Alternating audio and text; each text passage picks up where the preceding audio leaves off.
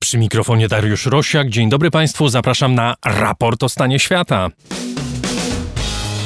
Prezydent Zełęński na turnę dyplomatycznym po świecie. Czy Ukrainie uda się przekonać globalne południe, że agresja Rosji to zagrożenie dla całego świata?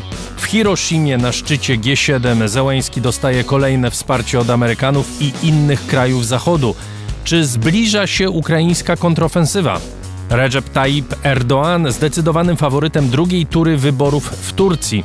Dlaczego opozycja nie umiała pokonać prezydenta? W Mołdawii tysiące ludzi demonstruje poparcie dla Unii. Czy to wystarczy, by wyzwolić się spod wpływów Rosji? Tunezja była nadzieją tych, którzy wierzyli, że demokracja w krajach arabskich jest możliwa. Dlaczego autorytaryzm w tym kraju wygrywa? Odwiedzimy również Wenecję, gdzie trwa Biennale Architektury. To wszystko w raporcie o stanie świata 27 maja 2023 roku. Raport o stanie świata to program wspierany finansowo przez słuchaczy, dzięki czemu jest podcastem otwartym dla wszystkich i niezależnym redakcyjnie. Wszystkim patronom z serca dziękuję, a jeśli ktoś z Państwa chciałby dołączyć do tego grona, zapraszam na mój profil w serwisie patronite.pl. Za jego pośrednictwem najłatwiej nas wesprzeć. Przypominam nasz adres raportrosiaka.gmail.com, adres naszej strony raportostanieświata.pl. Adrian Bąk i Chris Wawrzak w reżyserce Studia Efektura w Warszawie. Zaczynamy!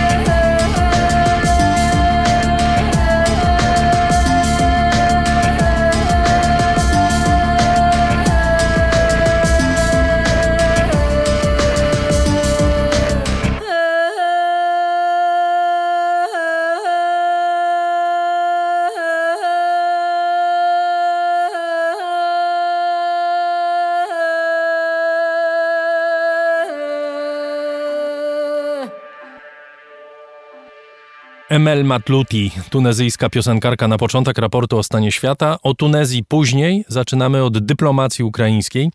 Prezydent Zełański odbył w ostatnim czasie serię spotkań dyplomatycznych, które miały zapewnić Ukrainie wsparcie w wojnie. Po wizytach w zachodnich stolicach Zełański odwiedził Jeddah, gdzie wziął udział w spotkaniu Ligi Arabskiej następnie był w Hiroshimie. Spotkał się z przedstawicielami grupy G7 i nie tylko.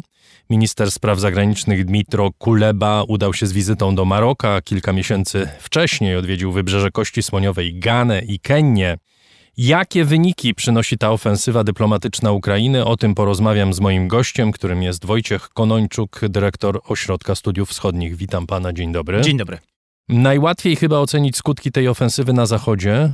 Mamy kolejne deklaracje USA w sprawie szkolenia pilotów, nowoczesnych myśliwców, zgodę Ameryki na przekazywanie F-16 Ukrainie przez inne kraje. Czy to oznacza, że realnie y, sprawa samolotów została załatwiona i te samoloty wcześniej raczej niż później trafią na Ukrainę?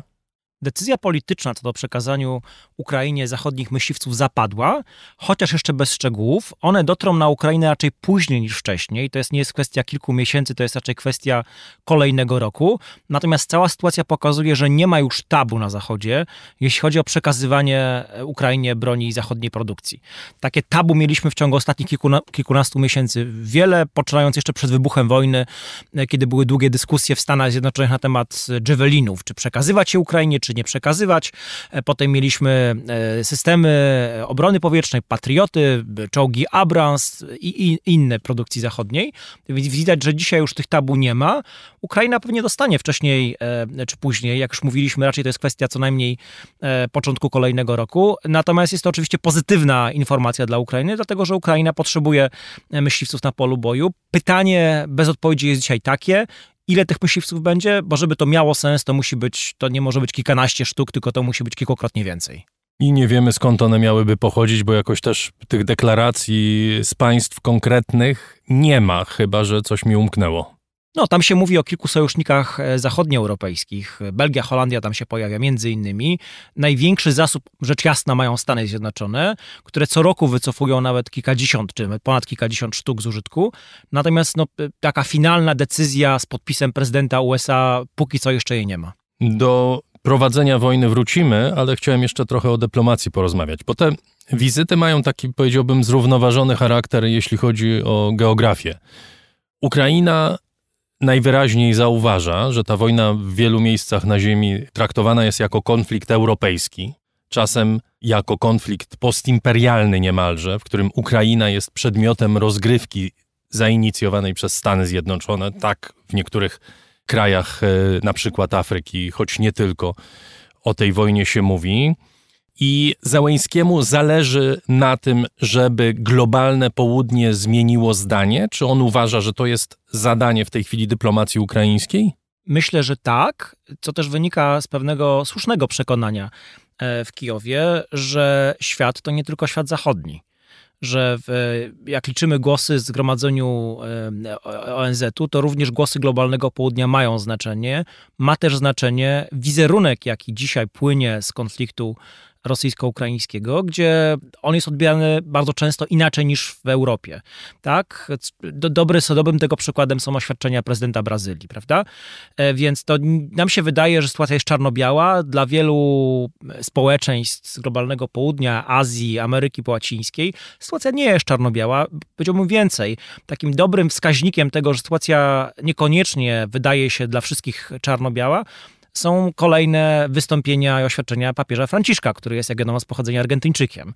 Więc dyplomacja ukraińska moim zdaniem robi świetną robotę w ciągu ostatnich kilkunastu miesięcy.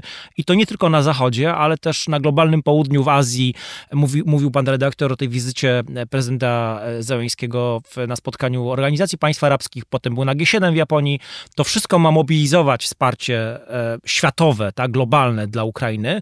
Może nie nawet nie tylko w wymiarze finansowym, czy nawet nie tyle w wymiarze finansowym, jeśli chodzi o globalne południe, co w wymiarze politycznym, co zawsze ma znaczenie. Więc mamy do czynienia z jednej strony z zapoczątkowanymi wcześniej wysiłkami dyplomacji rosyjskiej, różne tournée ministra Ławrowa między innymi, po tych po państwach globalnego południa. No i tu mamy taką swoistą kontrofensywę dyplomatyczną ukraińską, która ma ten przekaz ze strony Rosji, ma go zbić i pokazać, kto ma rację w, w całej tej sytuacji. Tak, to chyba jest bardzo istotne, że Ukraina po prostu nie chce zostawić tej narracji na temat wojny, która funkcjonuje w krajach afrykańskich czy południowoazjatyckich, samej Rosji, prawda? Pytanie oczywiście, nie wiem czy jest na to odpowiedź, ale warto być może zasygnalizować taki dylemat. Czy to jest w ogóle realne?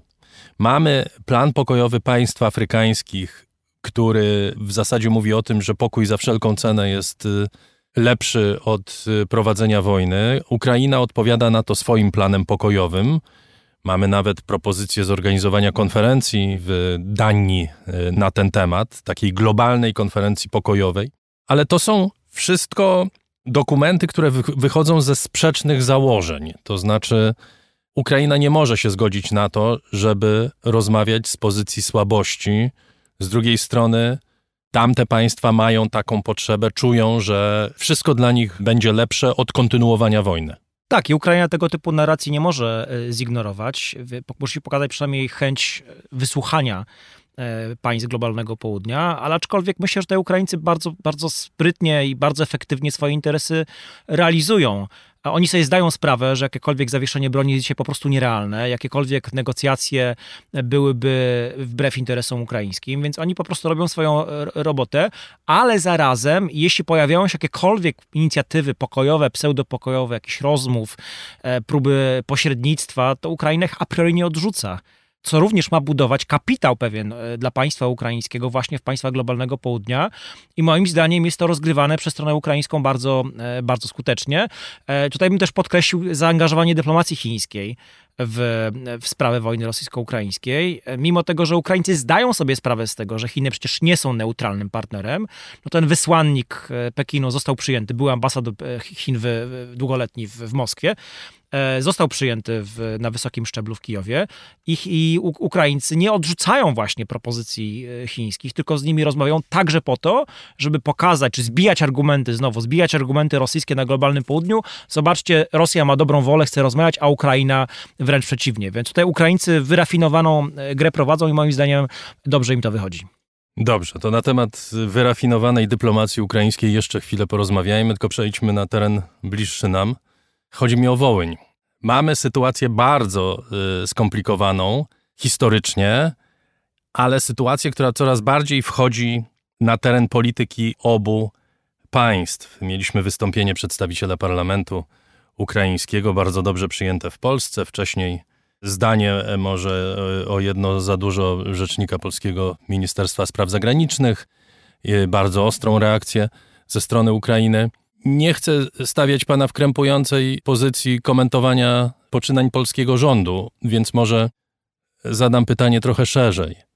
Zbliża się 80. rocznica zbrodni e, ludobójstwa na Wołyniu. Czy to jest moment, kiedy Polska i Ukraina realnie mogą zacząć o tym rozmawiać? Czy raczej to jest moment, kiedy zwycięży to przekonanie, że nie teraz Teraz trzeba wygrać wojnę z Rosją, wrócimy do sprawy Wołynia, kiedy przyjdzie na to czas. Polska i Ukraina o sprawie Wołynia rozmawiają od wielu lat. Więc to nie jest tak, że my zaczynamy proces. My jesteśmy w trakcie tego procesu, tak naprawdę zapoczątkowanego jeszcze w kręgach emigracyjnych polskich i ukraińskich, kiedy mieliśmy w Polsce e, komunizm. Te dyskusje są bardzo trudne. Te dyskusje gdzie po jednej stronie mamy konsensus polskich historyków do tego, co się wydarzyło, i mamy stronę ukraińską, która nie jest monolitem. To też wa warto podkreślać, bo my często patrzymy na, mówimy strona ukraińska, Ukraina, ale nie zdajemy sobie sprawy z tego, że tam również są historycy, czasami są to wielkie nazwiska, jak na przykład profesor Jarosław Chrycak z Lwowa, których wizja tego, co się wydarzyło między Polakami i Ukraińcami, jest bardzo zbliżona do tego, co mówią polscy historycy. Więc nie jest tak, że mamy tutaj skonsolidowane środowisko polskie, a po drugiej stronie skonsolidowane ukraińskie. To ukraińskie właśnie nie jest skonsolidowane, jeśli chodzi o, o kwestię tego, jak poszczególni historycy e, sprawę w 1943 i 1944 roku postrzegają. Natomiast pytanie, czy egzystencjalny moment dla narodu ukraińskiego to jest, e, to, jest, e, to jest ta chwila, kiedy Ukraińcy będą skłonni do tego, żeby pewne oczekiwane przez nas od, od dawna gesty czy słowa wykonać, gesty wykonać, a słowa wypowiedzieć. Nie mam takiego przekonania, patrząc także na dyplomację ukraińską. Wydaje mi się, że oni w tym momencie mają, i to pewnie jest truizm, ale mają po prostu znacznie ważniejsze sprawy niż wyjaśnienie tego, co się wydarzyło e, 80 lat temu e, w części państwa ukraińskiego, tak, w, w sześciu zaledwie e, obwodach. Więc to jest, to jest sprawa, która ona będzie kosztowała wiele czasu, ona będzie e, wymagała pewnej dojrzałości po stronie ukraińskiej, pewnie w bardziej sprzyjających pokojowych warunkach i ona także na koniec będzie wymagała też rozwoju czegoś, co do tej pory właściwie nie istniało albo, albo było, było zalążkiem w historiografii ukraińskiej, czyli krytycznego nurtu, który byłby w stanie na pewne ciemne plamy y, stronice ukraińskiej historii, nie tylko w relacjach polsko-ukraińskich czy ukraińsko-polskich, ale na przykład ukraińsko-żydowskich popatrzeć. Dobrze, zostawiamy ten temat. Jeszcze możemy dodać, że wybory w Polsce też niespecjalnie będą sprzyjały otwartej i spokojnej rozmowie na ten temat. Będzie wiele okazji, żeby wracać do tej sprawy. Wygląda na to, że Bachmut został zdobyty przez Rosjan. Czy to jest ważna porażka Ukraińców? Nie, myślę, że to nie jest porażka Ukraińców. Y, Sam fakt, że przez 8 czy prawie 9 miesięcy boje toczyły się o kilkudziesięciotysięczne miasto i tutaj mamy y, różne Czasem o spory. kilkaset metrów. Czasami No. o kilkaset metrów, tak. Ten front właściwie w ciągu tych, tych ostatnich miesięcy przesu, przesunął się o kilka czy kilkanaście kilometrów. No to to pokazuje, że Rosjanie, mimo zapowiadanej szumnie jeszcze od końca ubiegłego roku ofensywy, czy nowej ofensywy rosyjskiej, no wielkich sukcesów odnieść nie są w stanie. Próbują na potrzeby propagandy wewnątrzrosyjskiej zdyskontować zajęcie Bachmutu, czy jak oni mówią, Ar- Ar- Artiemowska, ale mam wrażenie, że to jest na zasadzie nie mamy nic lepszego, to będziemy się tym chwalić. E, To wojny nie kończy, to kończy jakąś jedną z e, faz tej wojny. To tak naprawdę stawia więcej znaków zapytania niż daje odpowiedzi. To znaczy, ten najważniejszy znak zapytania e, głosi, czy będzie kontrofensywa ukraińska, na ile skuteczna ona będzie, na ile dobrze są do niej Ukraińcy przygotowani, jaka będzie odpowiedź po stronie rosyjskiej. Natomiast na froncie generalnie od dłuższego czasu mamy impas i, i, i wszystko zależy od tego w, w tym momencie, jak, jak daleko Ukraińcy pójdą i na ile skutecznie. No tak, ale z jakiegoś powodu Ukraińcy nie wycofywali się z tego Bachmutu, prawda? To znaczy symbolicznie, wielokrotnie o tym żeśmy mówili w ciągu tych ostatnich miesięcy, że symbolicznie również dla Ukrainy to było bardzo ważne y, miasto. W tej chwili no, wygląda na to, że Rosjanie je zdobyli. A zatem no, możemy zwrócić uwagę na to, że to jest jednak jakiegoś rodzaju porażka Ukraińców. Myślę, że symbolicznie być może, natomiast odpowiedziałbym trochę słowami e, generała Załużnego, głównodowodzącego sił rosyjskich, e, ukraińskich, przepraszam, który tłumacząc wiele miesięcy temu, dlaczego Ukraińcy bronią Bachmutu, mówił, łat, łatwiej jest miasta bronić niż, potem je odbijać. E, Też trzeba pamiętać, że mimo tego, że Rosjanie weszli do miasta, to otoczenie najbliższe e, wokół Bachmutu cały czas jest kontrolowane przez siły ukraińskie. Więc to nie jest tak, że Rosjanie weszli po tych kilku miesiącach jak w masło, a Ukraińcy się wycofali. Ukraińcy kontrolują przedmieścia Bachmutu i najbliższe okolice. No i znowu, e, główne pytanie jest takie, co będzie dalej i tutaj możemy sobie co najwyżej pospekulować. No to pospekulujmy, to znaczy może tak, na co czekają Ukraińcy, pańskim zdaniem? na zwycięstwo, na to, że zapowiadana przez wiele, od wielu miesięcy przez Kijów, e, bardzo oczekiwana przez społeczeństwo kontro, kontrofensywa, przyniesie skutek przynajmniej taki, że Ukraina odzyska te ziemie, które straciła w ciągu ostatnich 15 miesięcy. Na co czekają z kontrofensywą? Może precyzyjniej powiem. Myślę, że to jest pytanie, na które jest w stanie odpowiedzieć kilku polityków ukraińskich i, i, i pewnie wojskowych. Parę osób z wywiadu również pewnie. Zapewne. Ja na to pytanie nie jestem w stanie odpowiedzieć. Wiemy, że Ukraińcy do tej pory czekali na dostawy, kolejne dostawy broni zachodniej. Ona napływa, nie w takich ilościach, jak chcieliby Ukraińcy. Z drugiej strony też wiemy, że napływają także dostawy tej broni, co, co do której nie ma informacji medialnych, prawda? Znaczy, jak gdyby zawsze część tego typu dostaw jest niepubliczna. I to jest też nasza niewiadoma, co jest tej niepublicznej części, na ile to jest, e, jakie to są ilości. Z drugiej strony Ukraińcy też przygotowują od dłuższego czasu różne doborowe jednostki, więc e, tak bym to widział. Znaczy, w tym momencie decyzja o tym, e, kiedy będzie ten, ta godzina e, do ataku, na ile ona będzie skuteczna, ta decyzja, jak daleko będą w stanie wejść w, w, w, na pozycję rosyjskie Ukraińcy, no to są sprawy, które tak naprawdę przesądzą kolejne, kolejne miesiące, a być może tak naprawdę zdecydują o całej wojnie. To porozmawiajmy jeszcze słowo na temat tego, co w mediach odbiło się bardzo szerokim echem, to znaczy tych działaniach dywersantów rosyjskich na terenie Rosji. Kto to jest? Czy ich akcje mogą mieć realny wpływ na to, co się dzieje, na przebieg wojny? Czy to jest raczej sygnał do społeczeństwa rosyjskiego? Z czyjej strony znowu sygnał do społeczeństwa rosyjskiego? Oto jesteśmy. Kim jesteśmy? To nie będzie miało jakiegoś znaczącego wpływu na wynik tej wojny, natomiast to pokazuje, to znaczy po pierwsze to, to pokazuje także samym Rosjanom, że są oddziały rosyjskie, sk- złożone z etnicznych Rosjan, obywateli Federacji Rosyjskiej, które walczą po stronie ukraińskiej i to już jest problem wizerunkowy dla Kremla. Także proszę zwrócić uwagę, że propaganda kremlowska medialna w ogóle ten f- fakt próbuje wyciszać, mówiąc o dywersji ze strony ukraińskiej, ale nie mówiąc, kto za tą dywersję odp- odpowiada. To po pierwsze. Po drugie, no sam fakt, że przez kilkadziesiąt godzin, e, kilkadziesiąt co najmniej e, wojskowych rosyjskich w służbie ukraińskiej, w szeregach sił zbrojnych Ukrainy, jest w stanie przejść przez granicę, jest w stanie kontrolować kilka miejscowości. Rosja, Rosja jest zmuszona, żeby wprowadzić specjalny reżim operacji antyterrorystycznej. E, e, Część mieszkańców po prostu ucieka. No jest to problem wizerunkowy, delikatnie mówiąc, dla Rosji znaczący. Pytanie, jak to w ogóle jest możliwe, że Rosja, która no, często przez każdy przypadek odmienia, jak y, skutecznie broni swojej granicy, nagle się okazuje, że jacyś dywersanci ukraińscy czy w służbie ukraińskiej przez tą granicę bez większego problemu po raz kolejny zresztą przenikają. A dla Ukrainy to jest jakikolwiek problem wizerunkowy? Ja nie mówię o, o wizerunku w Polsce czy gdziekolwiek indziej, ale o tym, jak to może być odbierane na przykład przez Amerykanów. Tak, to jest problem, dlatego że mamy regularnie pojawiające się głosy z, ze strony różnych polityków, także amerykańskich, które mówią, że tego typu działania są niedopuszczalne, dlatego że to może sprawić, że konflikt będzie rosyjsko-ukraiński będzie, będzie eskalował. Więc nie ma dzisiaj na Zachodzie szerszego szerszej zgody na, na to, przyzwolenia na to, żeby Ukraina mogła atakować cele bezpośrednio na terytorium Federacji Rosyjskiej w granicach uznanych międzynarodowo. Czy Krymu to nie dotyczy, ale już obwód briański, gdzie doszło do tej dywersji, o której mówiliśmy, jak najbardziej. Więc mamy pewne zaniepokojenie, które nie jest niczym nowym. Ono, bym powiedział, jest e, właściwie od wielu miesięcy występuje na Zachodzie. Ukraińcy sobie z tego, jak widać, niewiele robią i moim zdaniem słusznie. Wojciech Konończuk, dyrektor Ośrodka Studiów Wschodnich, był gościem raportu o stanie świata. Dziękuję bardzo. Dziękuję również.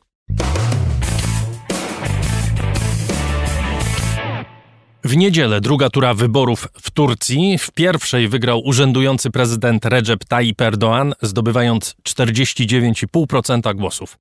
Jego partia, właściwie koalicja partyjna wspierająca prezydenta, zdobyła również ponad 320 mandatów w parlamencie, pokonując nie tylko opozycję, ale również sondaże, które dawały spore szanse właśnie opozycji i jej kandydatowi Kemalowi Kilicdarolu.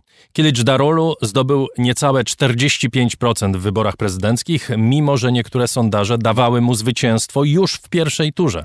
Czy przed drugą turą sytuacja jest w zasadzie jasna? Wygra AKP i Erdoğan? Czy też można oczekiwać jakiejś niespodzianki w ostatniej chwili? I skąd ta przewaga zwolenników prezydenta? Porozmawiamy o wyborach, o których sami mówiliśmy, że są najważniejsze w tym roku na świecie. W studio Adrian Bąk, który przed dwoma tygodniami relacjonował dla Państwa wydarzenia z Turcji. Witam Cię, Adrianie. Dzień dobry. Miało być inaczej, a tu wygrał Erdoğan. E, Jak się czyta media, nie tylko tureckie, te tureckie anglojęzyczne, media również zachodnie, opozycja w zasadzie pogodziła się z porażką, zwłaszcza po wsparciu Erdoğana przez kandydata nacjonalistycznego Sinana Ogana, który w pierwszej turze zdobył trzecie miejsce, ponad 5% głosów. To już jest przesądzone, że Erdoğan wygra te wybory? Trudno z perspektywy obserwatora, nie eksperta, przewidywać wynik wyborów, ale e, rzeczywiście, jak się ob- obserwuje kampanię wyborczą e, po tej pierwszej turze wyborów, a robię to nieustannie po tym, jak miałem możliwość e, obserwacji kampanii przed pierwszą turą, to jest to niezwykle ciekawe doświadczenie, ale takie doświadczenie na poziomie też nie eksperckim właśnie, a emocjonalnym. To jest taki prawdziwy emocjonalny roller coaster wręcz, bo o ile przed pierwszą turą miało się wrażenie, że to wszystko zmierza do wygranej Kemala Kılıçdaroğlu, że Turcy łapią taki wdech, że zaczynają mieć motylki w brzuchu, e, że zaraz stanie się coś historycznego w Turcji, to teraz jest takie oczekiwanie całkiem spokojne, żeby nie powiedzieć melancholijne, na zwycięstwo Recepa Tayyipa Erdoana. Nie było tego, co wzbudzało e, chyba największe emocje przed pierwszą turą. Nie było tego po tej pierwszej turze, czyli właśnie tych e, sondaży. Tego właściwie w ogóle zabrakło, a to było coś, co e, przed pierwszą turą no właściwie powodowało, że wszyscy dyskutowali o tym No właśnie, tak, o tej historycznej zmianie. Trudno się dziwić, skoro te sondaże no, dawały zwycięstwo Kilicdarolu w, w pierwszej rundzie, prawda? Były takie sondaże, nie wszystkie, ale były takie sondaże. To rzeczywiście bardzo mocno się rozminęły z rzeczywistością. Tak, to były zarówno sondaże, które miały oczywiście popierać opozycję, ale to były też także sondaże uznawane do tej pory za bardziej wiarygodne, za bardziej e, rzetelne, jak na przykład sondażownia Konda, e, która e, na kilka dni przed pierwszą turą prognozowała zwycięstwo Kemala Kılıçdaroğlu stosunkiem głosów 49 do 43. Ten sondaż Kondy to właściwie był jedyny sondaż, który pojawił się przed tą drugą turą w czwartek e, i tym razem on wskazuje na zwycięstwo prezydenta obecnego, czyli Recepa Tayyipa Erdoana, także nawet ten sondaż e, już wskazuje na to, że wygra No tak, obecny. może na, na miejscu Erdoana powinien się bać, bo nie wiadomo, czy sondaż znowu się nie myli. No to- Ale dobrze, jakbyś miał złapać byka za rogi i powiedzieć, co zdecydowało, czy są te, jakieś takie elementy, które jesteśmy w stanie e, zweryfikować, chwycić i powiedzieć, tak, to był powód, dla którego ludzie zagłosowali na Erdoana. No i właśnie, tutaj dochodzimy do tego, o czym chyba wielu z nas, mówię także dziennikarzy czy obserwatorów tureckiej sceny politycznej, ekspertów, tych zachodnich, e, przed pierwszą turą, może o czym nie do końca pamiętało, bo oczywiście większość skupiła się na tym takim podstawowym podziale, który rzecz jasna jest. To znaczy po jednej stronie polityczny islamizm, konserwatyzm, po drugiej stronie e, świeckość, sekularyzm czy liberalizm. Ale jeszcze jest jedna rzecz, o której w Turcji warto pamiętać, czyli turecki nacjonalizm. Ja właściwie przed każdą podróżą reporterską czytam historię danego państwa w formie książkowej, do którego się wybieram, bo wydaje mi się, że to jest e, taka podstawa, żeby wejść e, właśnie w to, o czym później będzie się e, opowiadało. I rzeczywiście dopiero po tej pierwszej turze zdałem sobie sprawę, że tak jak czytałem tę turecką historię, to tam dużo było tego tureckiego nacjonalizmu, że on właściwie zawsze obecny był w tureckiej historii. Był pewnym spoiwem w trudnych jej momentach, bo turecka historia to jest historia katastrof, to jest historia wojen, to jest historia bratobójczych zabójstw w Imperium Osmańskim, m, bezprawia, tego wszystkiego, co działo się w czasach Imperium Osmańskiego, ale to jest historia też tęsknoty i nostalgii za tymże imperium, mimo tego, że tak naprawdę była to epoka dla Turków niełatwa. Ale no właśnie, to była epoka imperium. Z czym nam to się kojarzy, moglibyśmy dzisiaj powiedzieć, prawda? Kojarzy nam się to trochę e, z Rosją. To oczywiście jest zupełnie inne państwo i te wybory to na pewno nie można porównywać do tego, co teraz dzieje się w Rosji, czy do stylu e, rządów Władimira Putina. E, Natomiast turecki nacjonalizm w epoce imperium e, osmańskiego odgrywał ważną rolę. On odgrywał także ważną rolę później, e, czyli w czasach I wojny światowej, po I wojnie światowej, kiedy tak naprawdę Turcja straciła ogromne połacie terytorium. Ten turecki nacjonalizm stał się więc ideologią obronną państwa. Dlaczego o tym mówię? Bo on właściwie tę ideologię obronną państwa, jako ideologia obronna państwa, przetrwał do dzisiaj. I to jest coś, co e, prezydent Recep Tayyip Erdoğan od lat, właściwie od początku rządów, e, e, także partii AKP, czyli od 2002 roku, na czym buduje swoje poparcie, swoją politykę. Taki sentyment czy tęsknota za Imperium Osmańskim jest ciągle w społeczeństwie. Erdoğan to wykorzystuje. Tych czynników budujących te nacjonalistyczne nastroje w ostatnich latach też było dużo. Mieliśmy chociażby pucz w 2016 roku, terroryzm kurdyjski, terroryzm islamski spod znaku ISIS, też nie zapominajmy o tym. Masowy napływ migrantów, zresztą- jeszcze pewnie o migrantach e, powiemy. W każdym razie to wszystko było budowane na wartościach negatywnych, na byciu w stanie zagrożenia, na strachu. I tym, jak się wydaje, kieruje się dziś turecki nacjonalista, czyli wyborca, który w dużym stopniu no, zdecyduje o wyniku wyborów. O tym też rozmawiałem w tym tygodniu z profesorem Muratem Somerem e, z Koç University w Stambule, według którego te wybory są inne pod pewnym względem niż te poprzednie. It's no longer uh, the case that uh, the people who support him know their alternatives and then freely decide W tych wyborach coś się zmieniło. Nie jest już tak jak wcześniej, że ludzie, którzy głosowali na Erdoana, znali alternatywy, ale jednak w pełni świadomie wybierali go mimo tych alternatyw. Teraz obóz rządowy stworzył podwaliny pod to, żeby ten głos był bardziej zmanipulowany, żeby to poparcie bazowało na strachu. It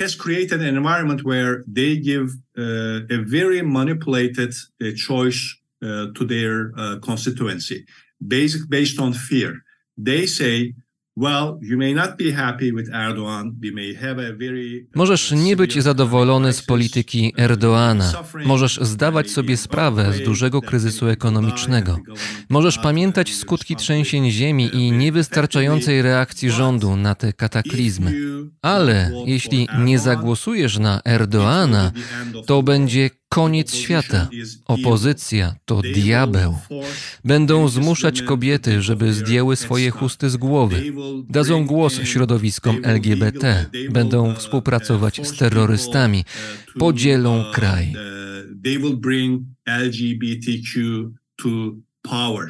They will uh, work with terrorists and they will uh, divide the country. And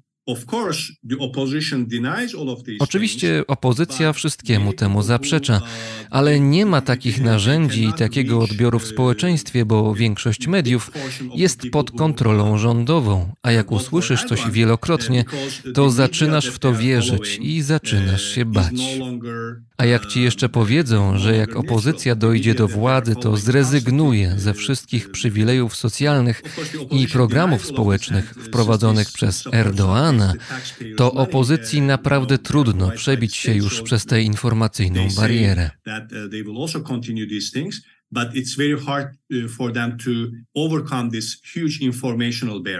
Murat Sommer wypowiadał się dla Adriana e, Bąka, który jest naprzeciwko mnie, siedzi e, w efekturze.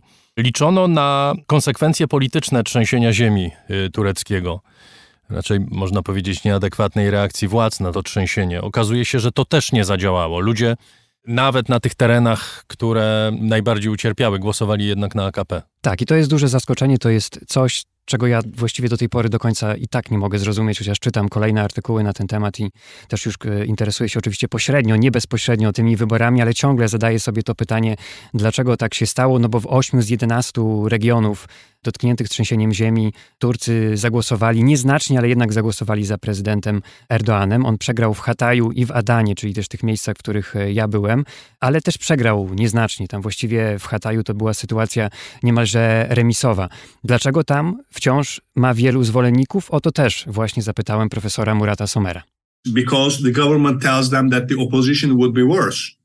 On mówi, że opozycja będzie jeszcze gorsza. To, co jest często pomijane i niezrozumiałe, to fakt, że jeśli jesteś ofiarą trzęsienia, albo jeśli znajdujesz się w trudnej sytuacji materialnej, na przykład nie masz pracy, to wówczas wiesz, że nie masz gruntu pod nogami i czujesz się zależny od państwa. I jeśli w tym stanie nie otrzymasz pomocy od państwa, nie będziesz miał co jeść. Twoja rodzina nie będzie miała schronienia.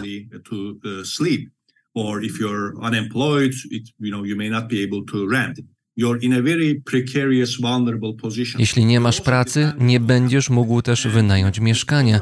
I do tego spolaryzowanego i wystraszonego społeczeństwa rząd mówi: Cóż, robimy wszystko, co możliwe, żeby było lepiej, ale jeśli opozycja zacznie rządzić, wtedy stracisz wszystko. But if the opposition comes, you will lose everything. Profesor Murat Sommer. Bardzo ciekawą sytuację mieliśmy w pierwszej rundzie tych wyborów. Autorytarny kraj, autorytarny przywódca zdobywa 49,5% głosów. Pół procenta dzieli go od wygranej w pierwszej rundzie, a mimo to nie dosypuje sobie tego pół procenta głosów. Wygląda na to, że wybory nie były sfałszowane. To rodzi też pytanie o to, czy to były uczciwe, demokratyczne wybory. Po pierwsze, trzeba by powiedzieć, że Turcja, i to raz jeszcze wrócę do Rosji, Turcja to nie jest Rosja. To znaczy, oczywiście Erdoana można określać go mianem dyktatora, można powiedzieć o nim autokrata, to będzie chyba bliższe prawdy. Natomiast pamiętajmy o tym, że nigdy w historii e, tureckie wybory mm, nie były sfałszowane. Przynajmniej nie mówi Nic się o tym nie wiemy, Nic tak. o tym nie wiemy. Sami Turcy chwalą się tym, że ta tradycja e, uczciwości tureckich wyborów właśnie pod kątem niefałszerstw, e, e, czyli ich prawdziwości, jest dłuższa niż chociażby w Hiszpanii. I też o tym trzeba pamiętać, co nie znaczy, że te wybory są uczciwe, bo prezydent Erdoğan i partia rządząca oczywiście ma o wiele więcej narzędzi, żeby przekonywać Turków do siebie niż ma opozycja. Zaczynając od mediów. No, rząd kontroluje obecnie ponad 80% mediów e, w Turcji. Prezydent Erdoğan w dzień przed pierwszą turą był obecny we wszystkich telewizjach niemalże. Była prowadzona taka transmisja symultaniczna. On tam udzielał wywiadu. To oczywiście oglądało wielu ludzi. Takiej możliwości Kemal Kılıçdaroğlu nie miał. Dalej, wielu niewygodnych przeciwników swoich wsadził do więzienia, chociażby e, przewodniczącego partii HDP, czyli Salahadina Demirtasza, Mer Stambułu, Ekrem Imamolu, miał być jego głównym przeciwnikiem w wyborach.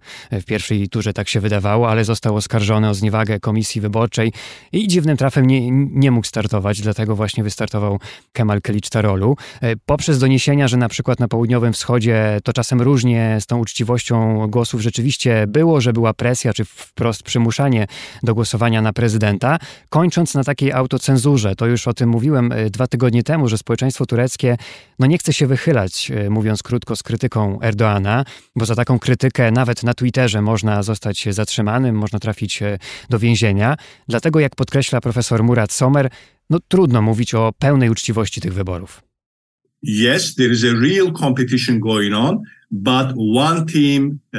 Prawdą jest, że w tych wyborach rzeczywiście rywalizują dwie drużyny.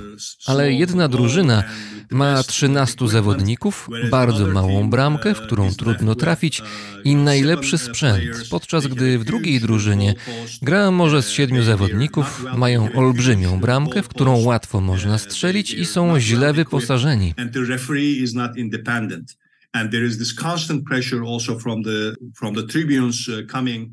W dodatku sędzia meczu nie jest niezależny, a z trybun można usłyszeć nieustającą presję. Te trybuny wyrosły na rządowym wsparciu, na zaangażowaniu instytucji rządowych i zasobów rządowych po to, żeby prześladować i demoralizować opozycję w trakcie trwania tego meczu. Tak więc rzeczywiście, mecz jest prawdziwy, ale dwie drużyny na pewno nie są równe. Jeszcze raz profesor Murat Somer, politolog y, turecki w rozmowie z Adrianem Bąkiem. Mówiliśmy o tej bezradności opozycji przez te dwa tygodnie, co się z nią działo? Ona próbowała chociażby się odbudować? I to kolejne ciekawe doświadczenie, bo właściwie można powiedzieć, że role kompletnie się odwróciły. W pierwszej turze kampanii prezydent Erdoğan miał taką kampanię budowaną na wartościach negatywnych, właśnie wracając do tego nacjonalizmu, na oszczerstwach. Mówił, że ci, którzy będą głosować na opozycję, to są nowi puczyści kierowani przez e, Zachód. Uderzał w środowiska LGBT. Natomiast opozycja e, miała tak zwaną politykę miłości, łączenia e, różnych grup społecznych, politykę prokurdyjską. Oni na wiecach z kciuków i palców wskazujących robili takie serduszka i też jak w autobusach pokazywali to, e, próbowali łączyć wszystkich e, Turków. Natomiast druga tura jest zupełnie odwrotnie, to znaczy Erdoğan łączy, pokazuje, że tylko on jest w stanie zagwarantować stabilność i bezpieczeństwo. W tym tygodniu pojechał chociażby do prowincji Hatay, e, gdzie ja też byłem, otworzył tam szpital i rozmawiał z tymi, którzy przeżyli e, trzęsienie ziemi. No kreuje się na męża stanu, niemalże na sułtana, który jest w stanie pomóc każdemu. A Kemal Kılıçdaroğlu no stał się, bym można w Hiszpanii powiedzieli, taką bestia negra. Wywołuje napięcia, wywołuje podziały. E, on zresztą wszedł w koalicję z Umitem Ozda, czyli skrajnie prawicowym politykiem, zwolennikiem wyczyszczenia Turcji z migrantów. No i właśnie pomysłem e, Kemala Kılıçdaroğlu na tę kampanię w drugiej turze właściwie jest jedno hasło, czyli odeślijmy wszystkich Syryjczyków do domu, i nie tylko Syryjczyków, ale także innych migrantów. To jest oczywiście obliczone także w głosy nacjonalistów, którzy okazali się e, takimi kingmakerami po tej pierwszej turze. Jest w Turcji całkiem spory i narastający niepokój związany z Syryjczykami, z migrantami. To jest około 4 e, milionów e, ludzi, jeśli chodzi tylko o Syryjczyków, a pamiętajmy, że jeszcze ta liczba wzrosła po trzęsieniu ziemi. Zresztą też warto wiedzieć o tym, że Turcja to jest kraj, który przyjmuje największą liczbę migrantów na całym świecie. Kilicdarolu mówi e, nawet o 10, a nawet 13 milionach uchodźców, których trzeba będzie odesłać. To oczywiście jest propaganda. E, tylu uchodźców nie ma, natomiast e, tak czy inaczej to są naprawdę ogromne liczby. Oczywiście nie mówimy tutaj o całym społeczeństwie, bo Turcja generalnie to jest naród przyjazny migrantom, ale liczba tych, którzy widzą zagrożenie w migrantach z powodu kryzysu ekonomicznego rośnie. I to wszystko oczywiście wywołuje spory, to wszystko wywołuje niepokój. Ja też pomyślałem, że podczas pobytu w Turcji, że warto zapytać Syryjczyków o ich nastroje przed tymi wyborami, warto dać im głos. I w tym celu wybrałem się do dzielnicy Fatih w Stambule, dzielnicy, w której żyje wielu Syryjczyków, gdzie na ławce niedaleko meczetu spotkałem Amira.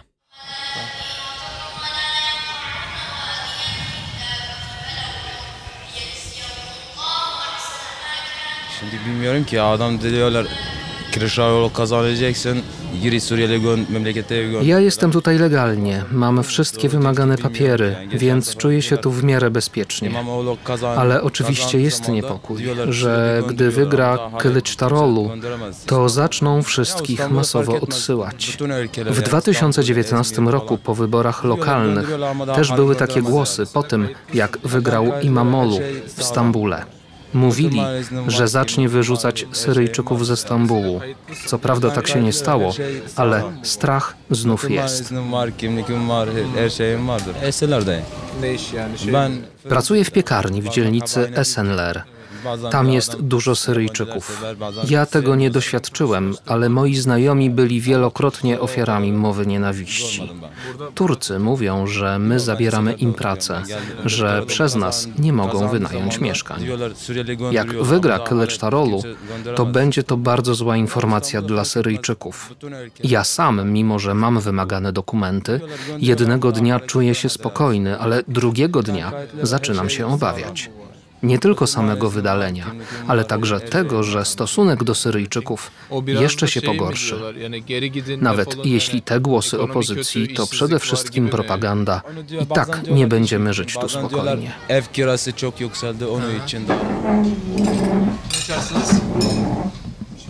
W dzielnicy Fatih przy ulicy Muczercin Nasym znajduje się także syryjska restauracja Gülevi, której właścicielem jest Ahmed. Ahmed mówi, że z powodu kryzysu ekonomicznego sytuacja restauracji nie jest najlepsza. Musiał w związku z tym obniżać płace i zwolnić kilku pracowników, ale na szczęście do restauracji wciąż przychodzi całkiem sporo turystów. Najgorsze, mówi Ahmed, może dopiero nadejść. Araplar e, biraz.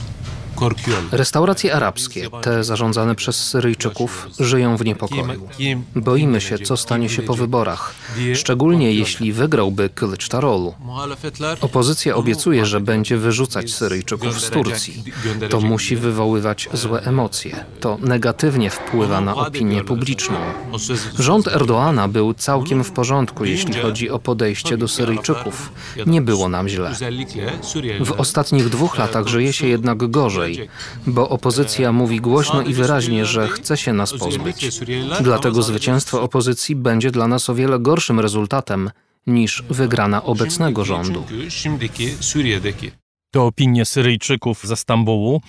Adrianie, co z tymi ludźmi, którzy nie zagłosują na Erdoana? W pierwszej turze 25 milionów ludzi głosowało na Kilic Darolu. O jakiej Turcji oni marzą? No właśnie, i tutaj znów przechodząc na ten poziom zwykłych ludzi. W Adanie rozmawiałem z Mehmetem, Turkiem, który pochodzi z prowincji Hatay, ale teraz mieszka w Adanie z uwagi na to, że no, jego dom uległ zniszczeniu w wyniku trzęsienia ziemi. Zresztą Mehmet studiował też w Adanie, jest związany z tym miastem. No i Mehmet jest przedstawicielem tej właśnie liberalnej, świeckiej Turcji. Głosował na Kılıçdaroğlu i będzie też głosował na Kılıçdaroğlu w drugiej turze. A dlaczego? No właśnie, posłuchajmy. 21 yani 21 yılın sonunda gelinen nokta herkes için endişe verici bir hal aldı. Yani Türkiye'nin Ten system rządów spowodował, że Turcja oddaliła się od Zachodu. Ale nie tylko od Zachodu, bo także oddaliła się od korzeni, od wartości założycielskich, od świeckości. Turcja jest złożona z różnych grup etnicznych i religijnych. E, Świecki charakter państwa gwarantuje, że prawa wszystkich będą zachowywane. bir anlamda sigortası. Şu an ülkenin sigortası arttırılmak isteniyor yani. Şimdi bizim şöyle toplumun kendine has e, kodları olan bir toplum. Sekularyzm nie oznacza naśladowania Zachodu, europejskiego stylu życia. Możemy iść własną turecką drogą. Na przykład teraz mamy prezydenckie Ministerstwo do Spraw Religijnych. W świeckim państwie nie byłoby takiej instytucji. Instytucji, która jest powiązana z państwem i sunnicką większością. Teraz grupy religijne są pod specjalną ochroną. Dla mnie jest to bardzo problematyczne. Jesteśmy znudzeni tym całym dyskursem militarnym, jesteśmy zmęczeni polaryzacją, jesteśmy zmęczeni groźbami i zakazami. Potrzebujemy radości w naszym życiu, potrzebujemy śmiechu, potrzebujemy nadziei. şey gelecek mi gelmeyecek mi korkusuyla yaşıyorlar. Ya şimdi şöyle bizim demokrasi esasında bir süreç. Yani Türkiye'de Kurtuluş Savaşı, Kurtuluş Mücadelesi verildiği zaman ana hedef demokrasi değildi. Znajdujemy się w punkcie krytycznym. Do demokracji nie dochodzi się w jeden dzień. To proces. Po I wojnie światowej, po tureckiej niepodległościowej, celem nie była demokracja sama w sobie. Celem było nadanie państwu kształtu, tożsamości. Ale to wszystko zmierzało do państwa prawa, porządku, jedności, szacunku, czyli w zasadzie zmierzało do demokracji. Te wybory są kluczowe, bo ten proces, chociaż wygaszany w ostatnich latach, teraz może skończyć się całkowicie. To mogą być ostatnie wybory w Turcji. Tak myślą przeciwnicy prezydenta Erdoana, który prawdopodobnie wygra niedzielne wybory. Tylko, że to jest tak, on może wygra te wybory, ale problemy się nie zmienią, nie odejdą. Nie odejdzie problem gospodarki tureckiej, nie odejdzie e, problem czy sporów, zatargów różnego rodzaju Turcji z innymi krajami, nie zmieni się sytuacja między Turcją a Rosją, a Stanami Zjednoczonymi. To wszystko są problemy, które e, czekają na rozwiązanie. Na koniec słowo na temat tych podstawowych rzeczy. Największy problem z Twoich relacji to wynikało, to jest gospodarka. Czy Erdoğan ma jakiś pomysł, czy to będzie trochę więcej tego samego, co było wcześniej? No oczywiście znów nie chcę wchodzić w rolę eksperta, który powie, w jaką stronę może iść turecka polityka, ale z pewnością to, w jaką stronę pójdzie turecka polityka, będzie uzależnione od tego, w jaką stronę pójdzie turecka gospodarka, bo ona znajduje się w złym stanie. Ta sytuacja gospodarcza pogarsza się wciąż. I znów przechodząc na poziom zwykłych ludzi, jeszcze niedawno za 50 lirów Turcy mogli kupić, o nie wiem, 8-10 produktów w sklepie spożywczym, teraz mogą kupić 3-4.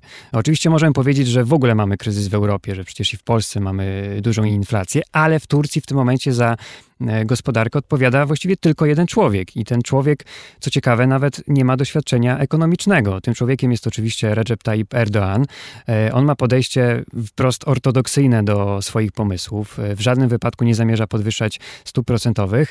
Pytałeś, czy coś się zmieni, ale dlaczego miałoby się zmienić, skoro jakby te wybory najprawdopodobniej pokażą to, że ta polityka generalnie przyniosła skutek. To znaczy Erdogan może dalej rządzić, i to jest jedno z głównych pytań w tym momencie, jakie stawiają sobie Turcy i też tureccy eksperci.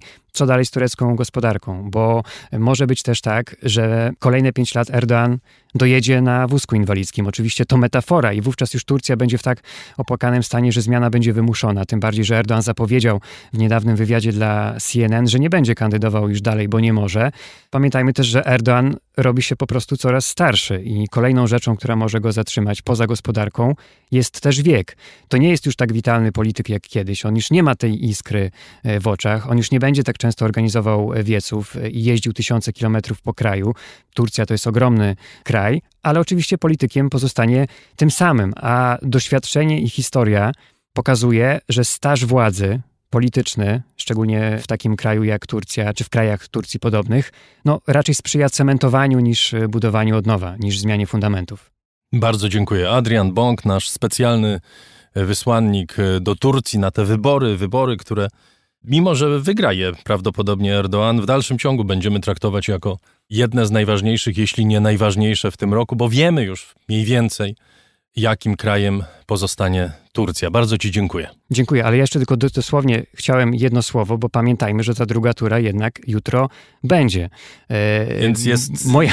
Tak, tak, jeszcze Erdoğan nie wygrał. Tak moja, moja przewodniczka w Adanie, Ilke Chenelier, profesor z Uniwersytetu Czukurowa, powiedziała mi, że w Turcji rzeczy dzieją się od tak pstryk. E, w jednej chwili może się zmienić wszystko. Ja ten pstryk będę pamiętał do końca życia, będzie mi się to kojarzyło z Turcją, więc nie odbierajmy szans opozycji. Tym bardziej czekamy na niedzielę. Jeszcze raz bardzo dziękuję. Dziękuję.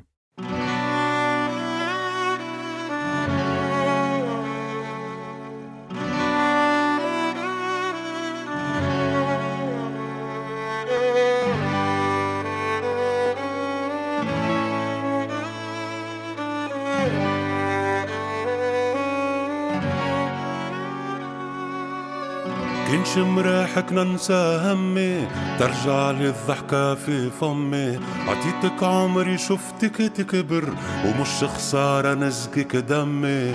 انتي أرضي وفيك عروقي أنا منك وانتي مني. انتي بسمة طفلة صغيرة وانتي دمعة في عيون أمي. كنش مريحك ننسى همي ترجع لي الضحكة في فمي. عطيتك عمري شفتك تكبر ومش خسارة نزقك دمي. انتي أرضي وفيك عروقي. أنا منك وانتي مني. انتي بسمة طفلة صغيرة. وانتي دمعة في عيون أمي. أوه يا وردة يا وردة يا وردة. يا وردة يا وردة يا وردة. ما نحب نشوفك مذبلة. بيك الدنيا بهذانة انتي في الدرك الياسمينة وأنا قلبي ليك جنينة ريح الدار يولي معطر ومحلى الريح كيهب علينا. أنا معك ماكش غريبة خد وحلة كان طوس عيبة تسقيك السماك تمطر. والعنبة ما تولي زبيبة. انتي في الدرك الياسمينة وأنا قلبي ليك جنينة. ريح الدار يولي معطر ومحلى الريح كيهب علينا. أنا معك ماكش غريبة خد كان طوس عيبة تسقيك السماك تمطر والعنبة ما تولي زبيبة. أوه يا وردة يا وردة. وردة يا وردة يا وردة يا وردة. ما نحب نشوفك مذبلة. لا بيك الدنيا بهذلة. ما نحب نشوفك حزينة أضحك وريني التبسيمة. في حزنك أنا نتكدر. نور والفرح ورينا. أنت الزينة اللي في التربة. والتربة بلا بيكي غربة. ومنك عسل قطر. ودوايا في شدة وكربة. ما نحب نشوفك حزينة أضحك وريني التبسيمة. في حزنك أنا نتكدر. نور والفرح ورينا أنت الزينة اللي في التربة والتربة بلا بيكي غربة. ومنك عسل قطر ودوايا في شدة وكربة يا وردة يا وردة يا وردة. أوه. نحب نشوفك مذبلة لا بيك الدنيا بهذلة أوه يا وردة يا وردة يا وردة. أوه يا وردة يا وردة يا وردة. ما نحب نشوفك مذبلة لا بيك الدنيا بهذلها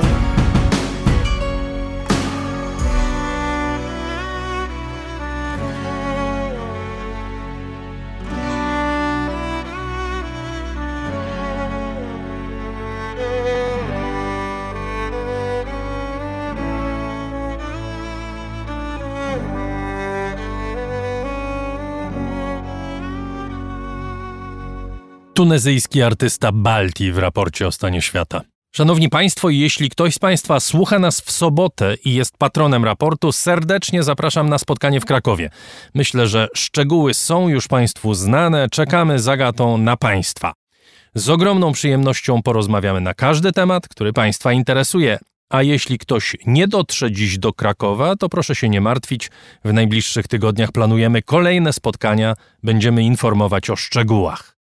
Wszystkim, którzy wspierają raport, z serca dziękuję.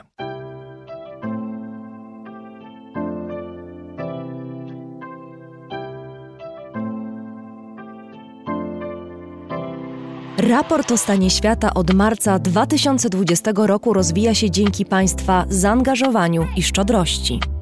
To dzięki Wam możemy opowiadać o świecie przy pomocy dźwięków. Dzięki Wam ten program może być przygotowywany w profesjonalny sposób z zachowaniem najwyższej jakości, bo na nią zasługują słuchacze raportu o stanie świata. Z serca dziękujemy wszystkim Państwu za wpłaty. Wasza hojność jest dla nas ogromnym zobowiązaniem. Zbiórka na patronite.pl ciągle trwa. Zachęcam do udziału w niej. Najhojniejsi patroni raportu o stanie świata to firma Ampio Smart Home, Aureus, leasing, kredyt, ubezpieczenia, księgowość. Sprawdź nas na www.aureus.pl. Hotel Bania Termal i Ski w Białce Tatrzańskiej, oferujący pakiety pobytowe z termami w cenie. Mikosz Barczewski, 2005 Global. Firma doradcza Crido. Galmet, polskie pompy ciepła. Sklep internetowy goldsaver.pl, w którym sztabkę fizycznego złota kupisz po kawałku i bez wydawania jednorazowo dużych kwot. KR Group, firma outsourcingowa www.krgroup.pl. Razem w przyszłość. Polsko-Japońska Akademia Technik Komputerowych. Warszawa, Gdańsk, Bytom. Michał Małkiewicz. Northmaster, marka łodzi motorowych z Polski. www.northmaster.pl. Firma Software Mill. Od zawsze zdalni. Programują dla całego świata. Dom wydawniczy Muza. Bo świat nie jest nam obojętny. PurePlay, transparentna agencja mediowa digital i doradca w budowaniu kompetencji in-house.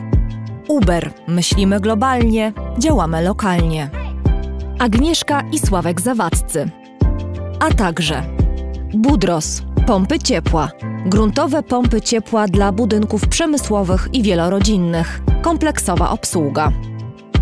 Liceum Błańskiej Gdańsk-Kowale. Przemyślana edukacja w dobrym miejscu.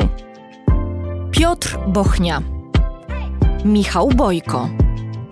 CIO Net and Digital Excellence. Łączymy ludzi i idee. Grupa brokerska CRB. Ubezpieczenie należności dla Twojej firmy. Bezpłatne porównanie ofert www.grupacrb.pl Duna Language Services. Biuro tłumaczeń do zadań specjalnych www.dunabiz. Flexi Project. Kompleksowy i intuicyjny system do zarządzania projektami i portfelami projektów. JMP. Z miłości do sportu, z najlepszych tkanin, w sercu Podhala szyjemy dla Was porządną odzież. Palarnia kawy La Cafo z Augustowa. LSB Data. Dedykowane aplikacje internetowe dla biznesu. Masz pomysł? Zrealizujemy go. lsbdata.com Wydawnictwo Uniwersytetu Łódzkiego. Wydawca książek serii Krótkie wprowadzenie. Wszystko, co trzeba wiedzieć. Leszek Małecki. Aplikacja Moja Gazetka. Polska proekologiczna aplikacja zakupowa z gazetkami promocyjnymi i nie tylko. Moja Gazetka. Kupuj mądrze. Firma Prosper z Sosnowca. Hurtownia elektroenergetyczna i właściciel marki Czystuś. Firma ODO24. Optymalny kosztowo outsourcing ochrony danych osobowych ODO24.pl. Tatrzański Festiwal Biegowy Tatra Sky Marathon. 22 lipca biegamy w sercu Tatr i gminy Kościelisko. Tixto.pl Niezależny serwis biletowy. Sprzedamy bilety na Twoje wydarzenia kulturalne i sportowe. Drukarnia cyfrowa totem.com.pl. Dla nas książka zasługuje na najwyższą jakość. Fundacja Wasowskich, opiekująca się spuścizną Jerzego Wasowskiego i wydawca książek Grzegorza Wasowskiego. Szczegóły na wasowscy.com. Michał Wierzbowski. Wayman. Oprogramowanie wspomagające firmy inżynieryjne w zarządzaniu projektami. Stworzone przez polskich inżynierów dla sektora projektowego. www.wayman Software. Zen Market. Pośrednik w zakupach ze sklepów i aukcji w Japonii. Zen Market JP. Dziękujemy bardzo. To dzięki Państwu mamy raport o stanie świata.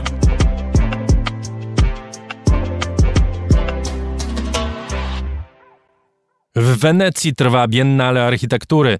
to jedno z najważniejszych wydarzeń wystawienniczych na świecie, zwraca się w kierunku kontynentu, o którym wcześniej milczano. Co więcej, stawia odważne pytanie, czy Afryka może być laboratorium przyszłości dla pogrążonej w kryzysie architektury światowej. Ponad połowa projektantów, których prace prezentowane są na głównej wystawie w Wenecji, to Afrykanie. Na drugiej części wystawy, w pawilonach narodowych, głos oddaje się mniejszościom i niezauważanym dotąd społecznościom. A jak to wygląda w praktyce? Relacja Anny Dudzińskiej. To nie jest jeszcze wyświechtana opowieść. Świadomość, że architektura i architekci znajdują się w momencie wielkiego przełomu, tak kategorycznie dociera do nas od niedawna. Kwestionowany jest nie tylko sens budowania wszystkiego co nowe, ale przede wszystkim podkreślany wpływ na środowisko, obciążenie planety, wykorzystywanie surowców naturalnych. W Wenecji, mieście doświadczonym przez powodzie, mieście ciągłej zmiany położonym między morzem a lądem, te głosy wybrzmiewają szczególnie wyraźnie. Leslie Loko, pół Ganijka, pół Szkotka, która decydowała o programie Biennale Architektury swojemu laboratorium przyszłości, dopisała jeszcze jedno określenie wielka zmiana.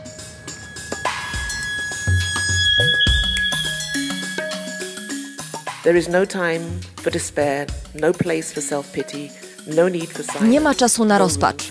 Nie ma miejsca na użalanie się nad sobą. Nie ma miejsca na milczenie ani przestrzeni na strach. Zajmujemy się pisaniem, mówieniem, językiem. Tak uzdrawiają się cywilizacje. Wiem, że świat jest poobijany i cierpi. I chociaż nie można tego cierpienia lekceważyć, to równie ważne jest, by mu nie ulegać. Nie tylko porażka, ale również chaos mogą prowadzić do wiedzy. Chaos contains information that can lead to knowledge, even wisdom.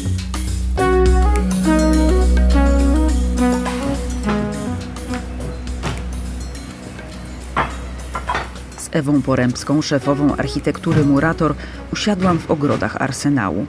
Gdzieś między pawilonami narodowymi, w których kiedyś prezentowano ikoniczne, bombastyczne projekty. Dzisiaj jest tu więcej miejsca na architekturę niedostrzeganych wcześniej społeczności, mniejszości narodowych, na pokazywanie przestrzeni dla uchodźców, na głosy, których kiedyś nikt nie słyszał. Ja muszę powiedzieć, że ja obserwuję te wszystkie przemiany, które się dzieją na świecie, przemiany w sposobie myślenia o architekturze. No oczywiście wynikają też z pewnych implikacji politycznych, gospodarczych, wielu innych. Ja obserwuję z prawdziwą przyjemnością. Każda nowa lekcja poszerza naszą wiedzę i ja myślę, że to Biennale jest z takiego powodu ważne. Ja pamiętam poprzednie, gdzie występowały gwiazdy i ja sama zauroczona ich elokwencją słuchałam tego trochę jak uczennica. Natomiast widzę, że z czasem to są rzeczy, które się coraz mniej liczą. My to musimy zrobić. Nie tylko ze względu na odpowiedzialność wobec świata i nie tylko ze względu na to, że trzeba większej sprawiedliwości, bardziej sprawiedliwego świata, e, ale także ze względu na to, że w tej chwili architektura także, ona znalazła się w jakimś bardzo istotnym, kryzysowym punkcie, i widać, że jest pewne poszukiwanie nowych materiałów, nowych rozwiązań, powrotu do natury. Natomiast e, myślę, że to, co bardzo mi się podoba na tym biennale, to próba opowiedzenia o społecznościach, na które my, Europejczycy, my Polacy, my ludzie z tej strefy kulturowej. My, którzy może w Polsce nie uważaliśmy się za bogatych, ale w porównaniu do wielu innych krajów, owszem, powodzi nam się nieźle, nagle widzimy inne relacje i myślę, że doszły do głosu różne społeczności, opowiadając o swoim rodzaju życia. I jest tu taka teza, może niespecjalnie oryginalna, ale jakże ważna Mianowicie, że świat składa się z tych pojedynczych historii, każda jest inna i widzimy ten świat oczami tego, co my przeżywamy i co widzimy. Świat składa się z pojedynczych opowieści. Ich autorami są architekci z Senegalu, Mozambiku, Gany, Nigerii. Kiedyś nie mieli głosu. Dzisiaj to oni opowiadają o sobie i swoich projektach gwiazdom architektury europejskiej.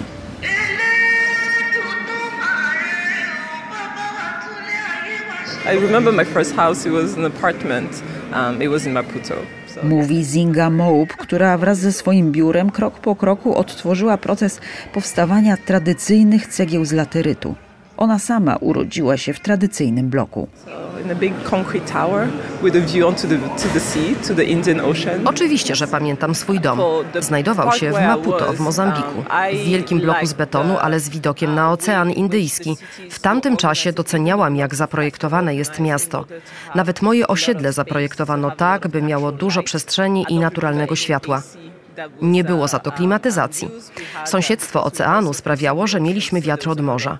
Chłodną bryzę. Zostałam architektką, by przeprojektować miasta, tak by nadawały się do życia. Szczególnie na afrykańskim kontynencie zauważam dyskomfort, który sami sobie zgotowaliśmy, wykorzystując tak powszechnie beton. Miałam przyjaciół, z którymi chodziliśmy do parków. Pamiętam świetnie tę otoczkę. My name is NJ Unaka. I'm from Nigeria. I was born in Nigeria. Uh, I teach architecture in Boston, uh, in the US. Nazywam się NJ Unaka. Urodziłem się w Nigerii. Uczę architektury w Bostonie.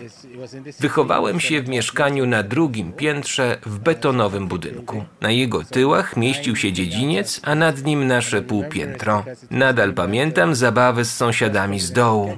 Było ciemno, nie mogliśmy wychodzić z domu, a i tak zabawa trwała w najlepsze.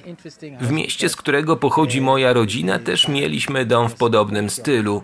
Większość budynków powstawała z ziemi i błota i te były wygodniejsze. Niemniej ludzie dążyli do nowoczesności, dlatego zaczęto budować z betonu. Wygoda się skończyła. But um, I think people wanted to be more modern and so they started to build with concrete and those houses were not as comfortable. Opowieści wykładowcy z Nigerii i architektki urodzonej w Mozambiku słychać nie tylko tęsknotę za wspólnotą małych społeczności, ale przede wszystkim chęć na zwrócenie uwagi, że nadszedł czas, by stworzyć konkurencję dla dominującego również na kontynencie afrykańskim betonu. Budownictwo odpowiada dziś za 40% emisji światowego dwutlenku węgla. Zinga Bołup jest przekonana, że alternatywa z laterytu czy roślin bagiennych to wcale nie abstrakcja, to konieczność. Well, I don't think I show it in the film. We show it. It's also very old material, right? Like we, we Pokazujemy to na biennale. Od lat eksperymentujemy z tym materiałem, ale nie wymyśliliśmy niczego nowego. To stary materiał. Wykorzystujemy to, czego przez setki lat używali nasi przodkowie. Niektóre z tych technik zostały zapomniane, bo beton stał się popularny, modny i nowoczesny. Ale naprawdę, jeśli rozglądamy się dookoła, to jest wiele materiałów, które możemy wykorzystywać współcześnie.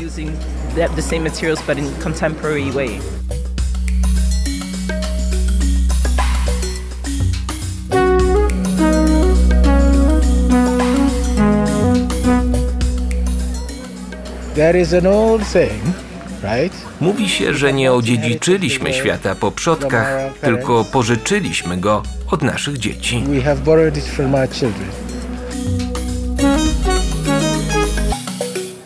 NJ Unaka od lat prowadzi badania nad biotechnologiami.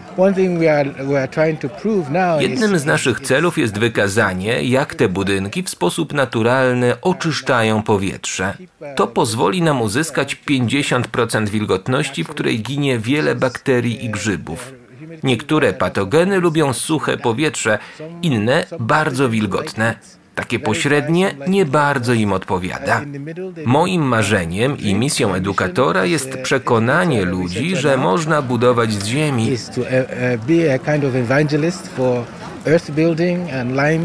building and hemp building and straw and bamboo. Wapienia, włókien konopnych, słomy i bambusa. To pozwoliłoby wykluczyć branżę produkującą klimatyzację z rynku. Sprytny pomysł. Co powiedzą ci, którzy klimatyzację produkują? Trwa cicha rewolucja. Jeśli przedstawiciele tego sektora chcą być pionierami, mogą się ze mną skonsultować i wykorzystać swoje pieniądze w lepszy, ekologiczny sposób. Musimy działać z myślą o naszej planecie, by wciąż nadawała się do życia. To mi się wydaje być dobrym początkiem. Naturalne materiały, jakie wykorzystuje się w Afryce, będą oczywiście inne od tych, które można zastosować na dalekiej północy. W Europie od lat trwają podobne badania. Jednak dla tegorocznych organizatorów Biennale to właśnie Afryka, kontynent, na którym powstaje tak dużo nowych miast, staje się ważnym punktem odniesienia. Akua Danso wraz ze swoimi koleżankami stworzyły fundację Black Females in Architecture, łącząc ponad 450 kobiet pochodzących z Afryki, a pracujących w zawodach związanych z budownictwem. We've been invisible for a long time. This isn't radical. Przez długi czas byliśmy niewidoczni. Afrykańczycy mają swój ogromny wkład w architekturę. To wielki wstyd, że zauważa się nas na Zachodzie dopiero teraz. Ale mimo tego jestem pewna, że wykorzystamy swoje pięć minut. Nawiązujemy tu przyjaźnie i relacje, a jednocześnie wiemy, że afrykańska architektura jest żywa i opowiada o naszej kulturze. W taki sam sposób, w jaki architektura europejska mówi o Europie, więc i afrykańska powinna być doceniona w taki sam sposób. European architecture speaks of European culture and um, it should all be celebrated equally. Yeah. Połowa architektów i artystów zaproszonych do tworzenia głównej wystawy pochodzi z Afryki. Czy są widoczni? Na pewno połowa to więcej niż nic, jak bywało w przeszłości. Ale czy to wystarczająco dużo? Well, actually, I don't think we're very present here, even this year. Wbrew pozorom nie jesteśmy tu aż tak bardzo obecni. Rozmawiałem przed chwilą z młodą Kamerunką. Ona uważa, że wydarzenie nie jest zorganizowane z myślą o nas. Być może powinniśmy mieć własne afrykańskie biennale. Andrzej Unaka długo wylicza koszty biletu do Wenecji i mówi, ile wczoraj zapłacił za kolację. On pracuje w Stanach Zjednoczonych, a inni? Pytanie, ilu afrykańskich architektów stać na podróż do Europy, może chyba pozostać bez odpowiedzi. Nie wszyscy w tej opowieści są sobie równi także z innych przyczyn. Tuż przed rozpoczęciem imprezy włoska ambasada w Ganie nie wydała zgody na wjazd trzem ganijskim artystom, którzy przez wiele miesięcy pracowali nad jej kształtem, mówi kuratorka Leslie Loco. For almost the first time in my life.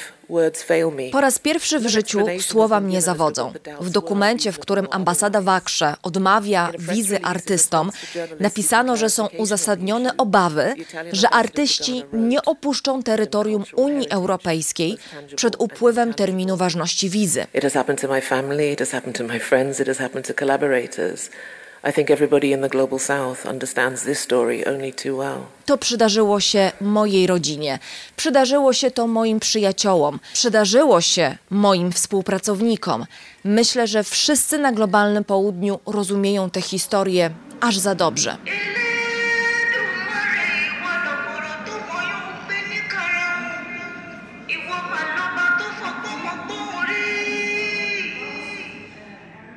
Jednak Loko nie chce, by tak kończyła się ta opowieść.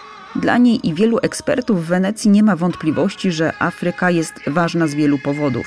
Dekolonizacja i walka z kryzysem klimatycznym to tylko główne z nich. Because we are more experimental uh.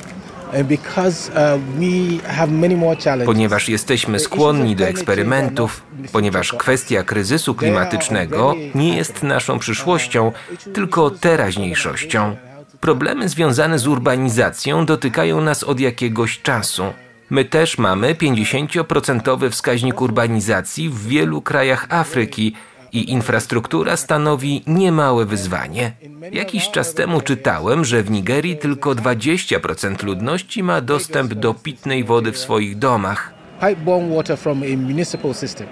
It doesn't mean that they don't all have pipe-borne water, it's just they have to fend for themselves.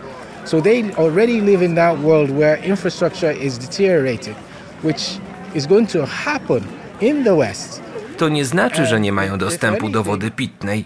Po prostu są w tej kwestii zdani na siebie. Ci ludzie już żyją w warunkach pogarszającej się infrastruktury. To zjawisko czeka w przyszłości Zachód. I właśnie tych kreatywnych sposobów na radzenie sobie z przeciwnościami i trudnościami losu Zachód mógłby się nauczyć od nas. My zmagamy się z nimi od dawna i znaleźliśmy szereg nietuzinkowych rozwiązań.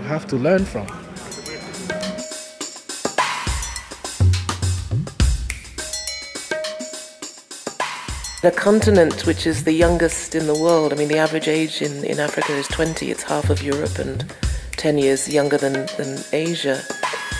The majority of Africans have the majority of their lives in front of them. Na kontynencie, który jest najmłodszy na świecie, na którym średnia wieku to 20 lat, o połowę mniej niż w Europie, o 10 lat mniej niż w Azji, większość mieszkańców ma przed sobą długie życie. Architektura jest jednym z najciekawszych, możliwych do zastosowania sposobów, by zszyć przeszłość, teraźniejszość i przyszłość. To jest podstawowa rola architektury.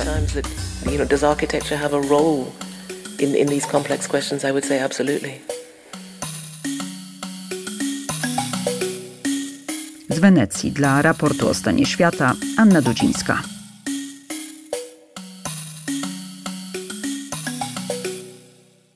Siedemdziesiąt tysięcy Mołdawian wyszło w niedzielę na ulicę Kiszyniowa w manifestacji poparcia dla Unii Europejskiej.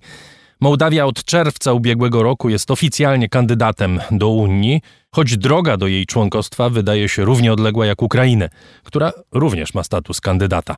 W trakcie demonstracji prezydent Maja Sandu oskarżyła Rosję o destabilizowanie sytuacji w kraju i obiecała zebranym, że Mołdawia stanie się członkiem Unii w 2030 roku. Choć nie wszyscy mieszkańcy myślą podobnie, w Gagauzji, autonomicznej prowincji Mołdawii, wybory na gubernatora wygrała kandydatka zdecydowanie prorosyjskiej partii SZOR. W studio Jakub Pieńkowski, analityk Polskiego Instytutu Spraw Międzynarodowych. Dzień dobry, witam. Dzień dobry. Jak na 2,5 milionowy kraj wciśnięty między Ukrainę a Rumunię, to bardzo wiele dzieje się ostatnio w Mołdawii. Niedawno słyszeliśmy o planowanym przez Rosję zamachu stanu kilka miesięcy temu. Teraz ogromne jak na skalę tego kraju manifestacje proeuropejskie i także chyba spora grupa ludzi, która z Europą nie chce mieć nic wspólnego, woli Rosję. No i jeszcze do tego dodajmy to y, półmilionowe Naddniestrze ze stacjonującym tam wojskiem rosyjskim. Może byśmy te węzełki y, po kolei rozplątali, zaczynając od tej demonstracji. To jest y, na ile wpływowe środowisko ludzi, którzy wychodzą na ulicę i czują potrzebę manifestowania swojej proeuropejskości. Tutaj musimy popatrzeć na kontekst, y, dlaczego w tym momencie się odbyła tak, taka demonstracja i dlaczego ona była tak liczna jak na Mołdawie. Z jednej strony jest to kontrodpowiedź proeuropejskich władz Mołdawii, partii Działania i Solidarności, proprezydenckiej partii Y, która popiera prezydent Maję Sandu, e, a z drugiej strony to jest odpowiedź na e, działania partii Szora, która od wiosny zeszłego roku organizuje demonstracje. One mają charakter przede wszystkim socjalny, ale które podważają, e, czy też mają podważyć ten wizerunek proeuropejski władz mołdawskich. Mają pokazać społeczeństwu, że władze proeuropejskie tak naprawdę nie cieszą się poparciem całego społeczeństwa. Przy czym te demonstracje organizowane przez Szora to gromadzą z reguły 2-3 tysiące, jak 4 tysiące ludzi przyjdzie, a w dużej mierze zostanie przywiezionych do Kiszyniowa, to jest maks. Tutaj musimy też pamiętać, że Szor, czyli lider tej partii, ukrywa się w Izraelu, Ilan Shor, y, ma obywatelstwo także tego kraju, a jest w tym kraju dlatego, że... No, ukrywa się, bo jest... Bo jest y, skazany już teraz korupcję. prawomocnie na 15 lat więzienia za wyprowadzenie z mołdawskiego systemu bankowego w 2014 roku miliarda dolarów. Więc jak Shor gromadzi, a po części wynajmuje te 3-4 tysiące ludzi, a z drugiej strony e, na meeting proeuropejski przychodzi 60, według innych danych 70, 80 nawet tysięcy ludzi, no to jest istotny kontrast, przy czym w przeciwieństwie do meetingów Szora, na tym y, meetingu proeuropejskim, no nie, nie fundowano ludziom biletów, nie rozdawano jedzenia, a jeszcze Inny kontekst to jest to, że 1 czerwca w podkiszyniowskiej Bulbułace będzie szczyt Europejskiej Wspólnoty Politycznej, to będzie drugi szczyt, i władze też chcą pokazać nie tylko własnemu społeczeństwu, ale także y, partnerom zagranicznym, że integracja europejska cieszy się poparciem społeczeństwa. Zatrzymajmy się przez moment przy postaci pani prezydent Mai Sandu. Ona jest niezwykle popularna w Europie. Czy podobnie jest w jej kraju? Tak, y, jeżeli popatrzymy na sondaże, to prezydent Sandu cieszy się najwyższym y, zaufaniem spośród polityków mołdawskich. Natomiast no wiadomo, że każde sprawowanie urzędu y, przynosi wśród wyborców no, pewne rozczarowanie, pewien zawód wygórowanych oczekiwań, ale jeżeli byśmy mieli teraz wybory, w których ona by ubiegała się o reelekcję, to najprawdopodobniej wygrałaby je ponownie. No tutaj jest to polityk y, zdecydowanie charyzmatyczny i jak na warunki mołdawskie, gdzie mamy społeczeństwo cały czas takie tradycyjne, patriarchalne, to, że jest kobietą, jest niezamężna, nie ma dzieci, nie chodzi do cerkwi, mimo to, jeżeli właśnie weźmiemy pod uwagę ten kontekst, cały czas się cieszy dużym zaufaniem, no ale oczywiście ma też równocześnie silną opozycję wewnątrz kraju. Porozmawiajmy może nie tyle o opozycji wewnątrz kraju, tylko o podziałach w tym kraju, podziałach między tak zwanymi normalnymi ludźmi. Jakby pan miał określić, gdzie te granice polaryzacji przebiegają? Może nawiązując od razu do, do Gagauzji, czyli do tego bardzo egzotycznego, ciekawego kawałku kraju, niemal całkowicie prorosyjskiego jaka to jest grupa ludzi, która w zasadzie wiąże swoją przyszłość całkowicie z Rosją, nie jest zainteresowana jakąkolwiek integracją europejską i pewnie jest gotowa do tego, żeby takiej integracji się sprzeciwić. Tak, natomiast musimy pamiętać, że sama Gagauzja to jest specyficzna taka bańka niejako oderwana od całości polityki y, mołdawskiej. Żyje ona no niejako własnym życiem, ale tutaj chętnie e, przytoczę dane sondażowe, jak to wygląda te poparcie dla Unii Europejskiej i w ogóle dla orientacji międzynarodowej Mołdawii i okaże się, że rzeczywiście społeczeństwo jest z jednej strony silnie spolaryzowane, a z drugiej strony równocześnie silnie yy, zdezorientowane. Bo jeżeli popatrzymy na dane, ilu Mołdawian jeżeli by doszło do, do referendum, ilu by chciało integracji z Unią Europejską, a ilu by chciało integracji z Euroazjatycką Unią Gospodarczą, to tutaj jakiejś dramatycznej przepaści między tymi wynikami nie ma, bo za Unią by było 48%, a za Euroazjatycką Unią Gospodarczą, czyli tym organizmem integracyjnym Rosji, Białorusi, Kazachstanu i Armenii, 32%. A jeżeli y, ludzie by mieli wybierać, jeżeli to by były oddzielne pytania, czy chcą przystąpić do Unii y, Europejskiej, 51% by powiedziało, że tak.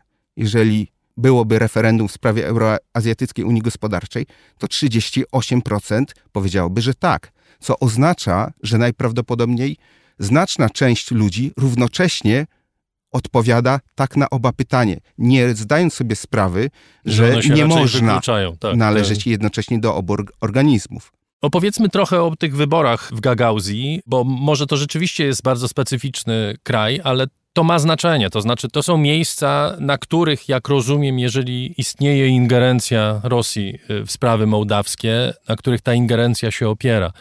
Niedawno te wybory na gubernatora owej prowincji się odbyły i wygrała je kandydatka no, zdecydowanie prorosyjska. Tak, przy czym y, tam było specyficznie bo wszyscy kandydaci byli tak naprawdę prorosyjscy. I wspomniana Partia Działania i Solidarności, prezydent Majsandu, w ogóle nie wystawiła swojego kandydata, uznając, że jest to bezcelowe i ewentualny wynik byłby całkowicie kompromitujący dla niej. Natomiast powiedzmy sobie chwilkę w ogóle, czym jest Gagauzja. To jest y, terytorium autonomiczne położone na południu kraju. Ono liczy mniej więcej teraz 130 tysięcy mieszkańców. Gagauzi to jest lud pochodzenia tureckiego, wywodzący się prawdopodobnie z terenów dzisiejszej Bułgarii, to są uciekinierzy z osmańskiej Turcji, których car ugościł, nadając im ziemię na południu Besarabii, a który to lud, mimo że jest właśnie tureckiego pochodzenia, wyznaje prawosławie. Natomiast dzisiaj w kontaktach codziennych posługuje się praktycznie wyłącznie rosyjskim. Ten region na początku y, niepodległości Mołdawii, w momencie kiedy rozpadał się najpierw Związek Radziecki, a Mołdawia ogłosiła niepodległość, ogłosił separację, ogłosił własną niepodległość i do 1994 roku faktycznie rządził się samodzielnie. Wtedy w 1994 roku zawarto porozumienie, na mocy której władze w Komracie, czyli stolicy Gagauzji, uznały zwierzchnictwo władz centralnych za w zamian za autonomię, która ma taki wymiar przede wszystkim e, gospodarczy, językowy, kulturowy. Natomiast Gagauzja jest cały czas jednym z najbiedniejszych regionów Mołdawii i na tle całej Mołdawii stworzy ona swoistą bańkę polityczną. Oderwan, jej polityka niejako funkcjonuje obok tej głównej polityki mołdawskiej. Więc w wyborach Baszkana, czyli yy, gubernatora Gagauzji, wszyscy kandydaci tak naprawdę byli prorosyjscy. Natomiast to jest niebezpieczne dla proeuropejskich y, władz Mołdawii, to jest to, że wygrała kandydatka Jewgenia yy, Gucul, która reprezentuje wspomnianą partię Szora. O ile Baszkan no, jest y, rzeczywiście zwierzchnikiem władz Gagauzji i tam by sobie rządził, o tyle to stanowisko jest o tyle kłopotliwe dla władz centralnych, że Baszkan z automatu wchodzi w skład rządu. W związku z tym daje to prawo y, pani Gucu, jak już zostanie zaprzysiężona, do tego, aby y, mieć dostęp do wszystkich dokumentów państwowych, do tego, żeby przemawiać na forum ogólnomołdawskim. Natomiast jeszcze wracając do samej Gagauzji, społeczeństwo lokalne Gagauzi pozostają jednoznacznie zorientowani na Rosję. Mimo, że e, dotknęły ich bardzo brutalne represje w czasach radzieckich, to bardzo chętnie odwołują się do tamtych czasów. Jak popatrzymy nawet na sytuację teraz, y, kiedy trwa przecież rosyjska inwazja na Ukrainę, to 90 ponad procent y, gagauzów jednoznacznie opowiada się po stronie Rosji i najchętniej by widziało y, odłączenie się od Mołdawii i jakąś formę integracji z Rosją. Jakie plany ma Rosja wobec Mołdawii? Słyszeliśmy parę miesięcy temu, w lutym, tak, o planowanym zamachu stanu, który został e, jakoś powstrzymany, ale jak to wygląda? To znaczy, no, wiemy, że w Naddniestrzu stacjonują oddziały rosyjskie, więc nawet nie trzeba wprowadzać żołnierzy rosyjskich. Ale z jakiegoś powodu Rosja tego nie robi.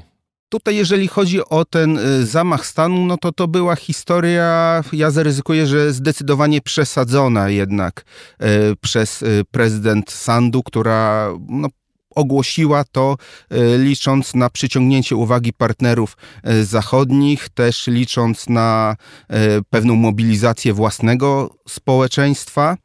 Natomiast y, faktem jest, że Rosja cały czas uważa Mołdawię za element tego ruskiego mira i y, nie jest skłonna pogodzić się z tym, żeby Mołdawia e, y, nie, niejako z tej przestrzeni wyszła, żeby się zbliżyła do Unii Europejskiej. Więc cały czas priorytetem rosyjskim wobec Mołdawii jest utrzymanie tych wpływów, a najlepiej, żeby udało się te władze y, proeuropejskie w jakiś sposób utrącić, podważyć zaufanie do nich, y, doprowadzić do tego, żeby w wyborach samorządowych, które będą jesienią, zdecydowanie zwyciężyły siły prorosyjskie, czyli wspomniana partia Szora i partia socjalistów, a później w wyborach, y, w wyborach powszechnych, także żeby Partia Działania i Solidarności utraciła większość. Natomiast Rosja ma coraz mniej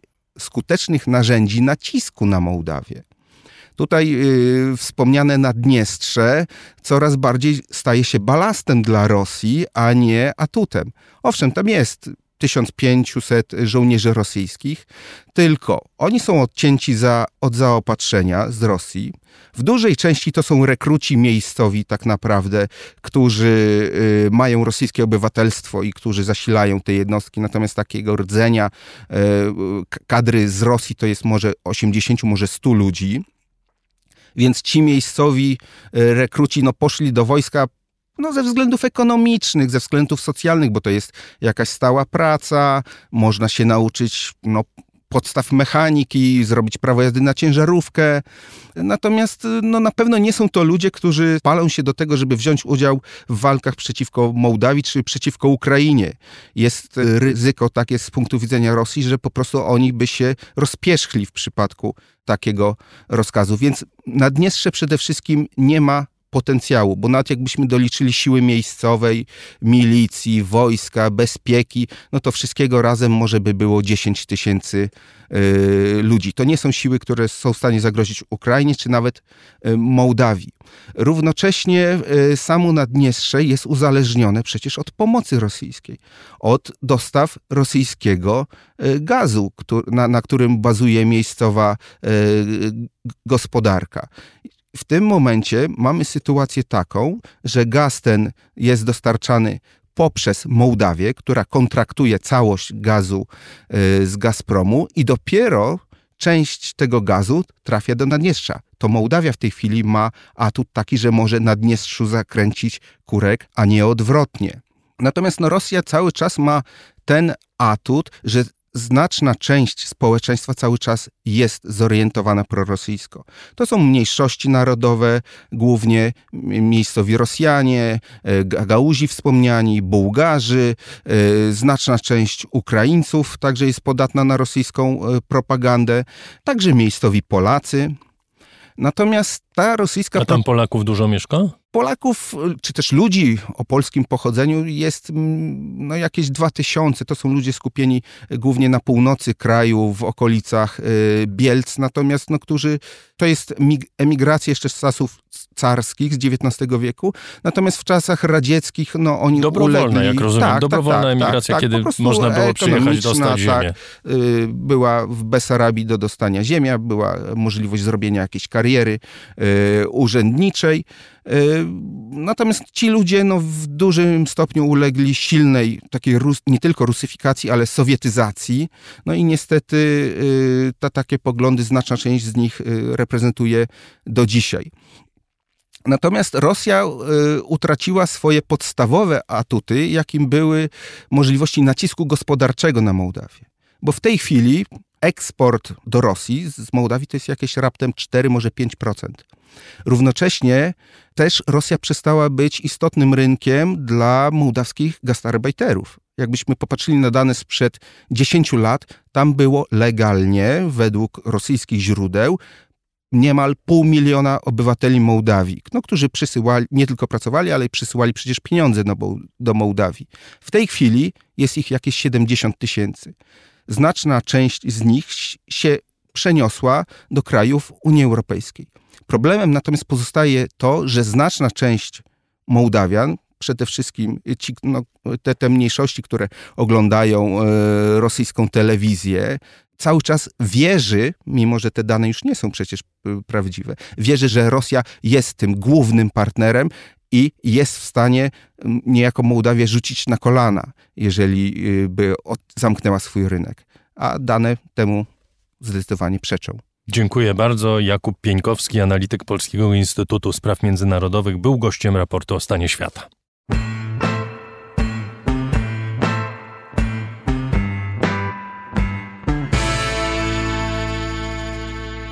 Tunezji kolejna fala ataków na opozycję, media, wymiar sprawiedliwości.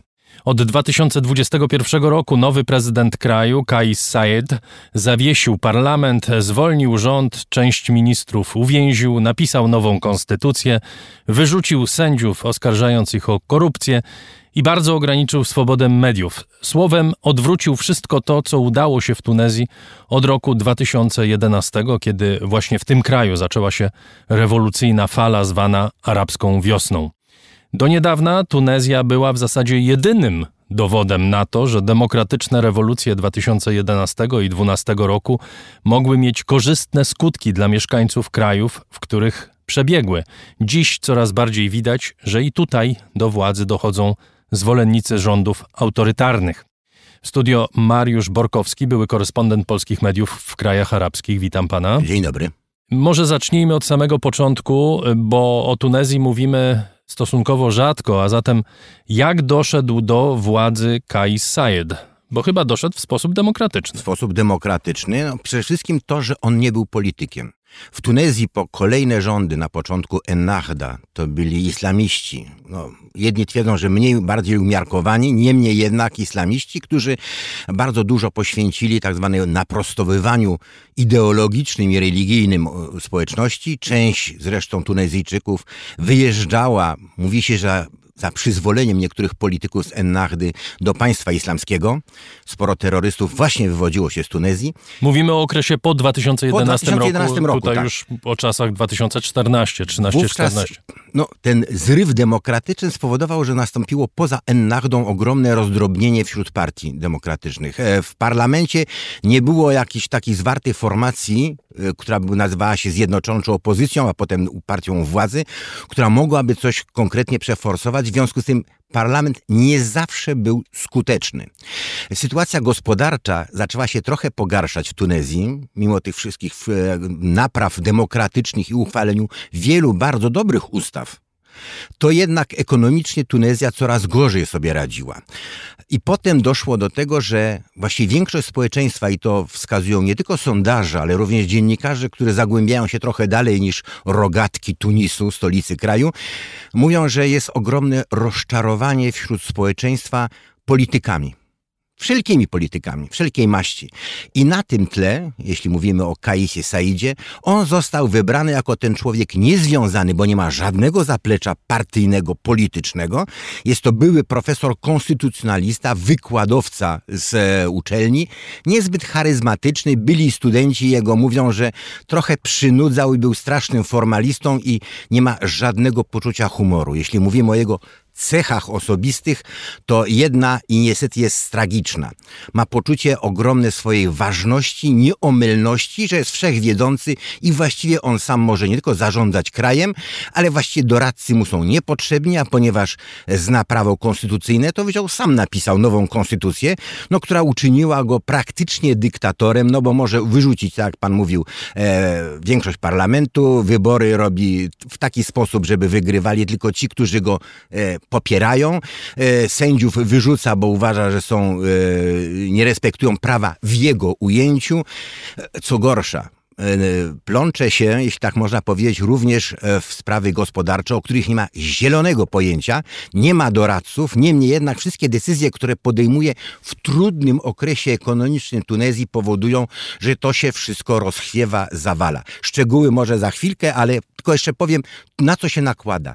Ostatnie dwa lata to jest tragiczna susza, najgorsza od 1950 roku. Zbiorniki wypełnione są gdzieś w 15-30% nie więcej, a więc brak wody do, dla rolnictwa, które jest jednak główną z gałęzi poza turystyką w Tunezji.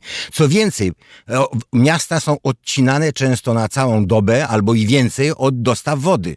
Krótko mówiąc, to wszystko skłania się, że rolnictwo jest słabo wydolne, gospodarka słabo funkcjonuje, coraz więcej firm upada, gospodarka znajduje się na skraju przepaści, ogromny deficyt, Krótko mówiąc, jest to problem ekonomiczny, jest problem społeczny, bo ludzie tracą pła e, pracę, płace są zbyt niskie. Powiem tylko, że płaca podstawowa to jest mniej więcej jedna szósta tego, co potrzeba, żeby się dorosła osoba utrzymała na średnim bardzo poziomie, czyli e, zapewniła sobie mieszkanie, żywność i tak dalej. Dodajmy, że Kais Sayed rządzi od 2019 roku ta cała litania zarzutów wobec niego, którą wygłosiłem wcześniej, to jest okres od 2021, kiedy y, rzeczywiście ten jego autorytaryzm doszedł bardzo mocno y, do głosu. W tym roku mamy kolejną falę. Na początku roku kilkunastu znanych polityków, dziennikarzy trafiło do więzienia. Mamy również regularne zamieszki, ale mamy także ludzi, którzy popierają prezydenta. E, bo mają poczucie, że to, o czym pan wcześniej wspomniał, czyli te problemy, które pojawiły się po 2011 roku, że no anachda już była. Demokratyczne rządy już mieliśmy. Czy to jest poważna grupa ludzi, ci, którzy go popierają? Po pierwsze, mamy państwo policyjne, coraz bardziej państwo policyjne, coraz bardziej represyjne. I o ile, jeśli cofnę się może o rok, kiedy były e, referendum nad konstytucją, w którym 70% ludzi zbojkotowało to, 30 głosowało albo się wrzuciło białe biuletyny do urny. Przy wyborach w, w grudniu e, proces, jak to się bojkotu, sięgnął 90%, więc praktycznie to nie były w ogóle wybory, nikt tego nie uznał. I te, część uznała, że e, tak dalej być nie może, że potrzebny jest silny człowiek. I tutaj w wielu krajach arabskich, które przeżyły pełną rewolucję, wiosnę ludów, jak myśmy to nazywali, w 2011 roku, czy częściowo, e, nastąpiło rozczarowanie. Właśnie to no, nic nie Egipt dało. jest najlepszym To przypadkiem, ekonomicznie prawda? nic nie dało, społecznie nic nie dało, politycznie nic nie dało, sytuacja jest coraz gorsza. Co więcej, wielu ludzi mówi, obaliliśmy Benalego, którą był dyktaturą, ale ta dyktatura była niczym, bo zachowywano pewne pozory w stosunku do Kaisa Saida. A więc nagle tęsknota za poprzednim reżimem, który właśnie znienawidzony był, wydawało się, że gorszego być nie może. I teraz jeśli wrócimy do, do tej grupy niezadowolonej. Oczywiście Kais Said ma jedną cechę, którą umie. Wie, że by się utrzymać u władzy, trzeba podzielić społeczeństwo. I o ile demonstracje przeciwko uchwaleniu konstytucji przy wyborach i tak dalej to były dziesiątki tysięcy ludzi w wielu miastach i tak dalej, to ostatnie demonstracje w marcu, kwietniu i teraz w maju ostatnie grupowały 200-250 uczestników. Nawet policja specjalnie nie ingerowała, no bo już nie było co, to za, za mała grupka. Oczywiście jest ten sprzeciw. Jest Front Ocalenia Narodowego, który grupuje wszystkie siły demokratyczne, te, które się sprzeciwiają Kaisowi Saidowi.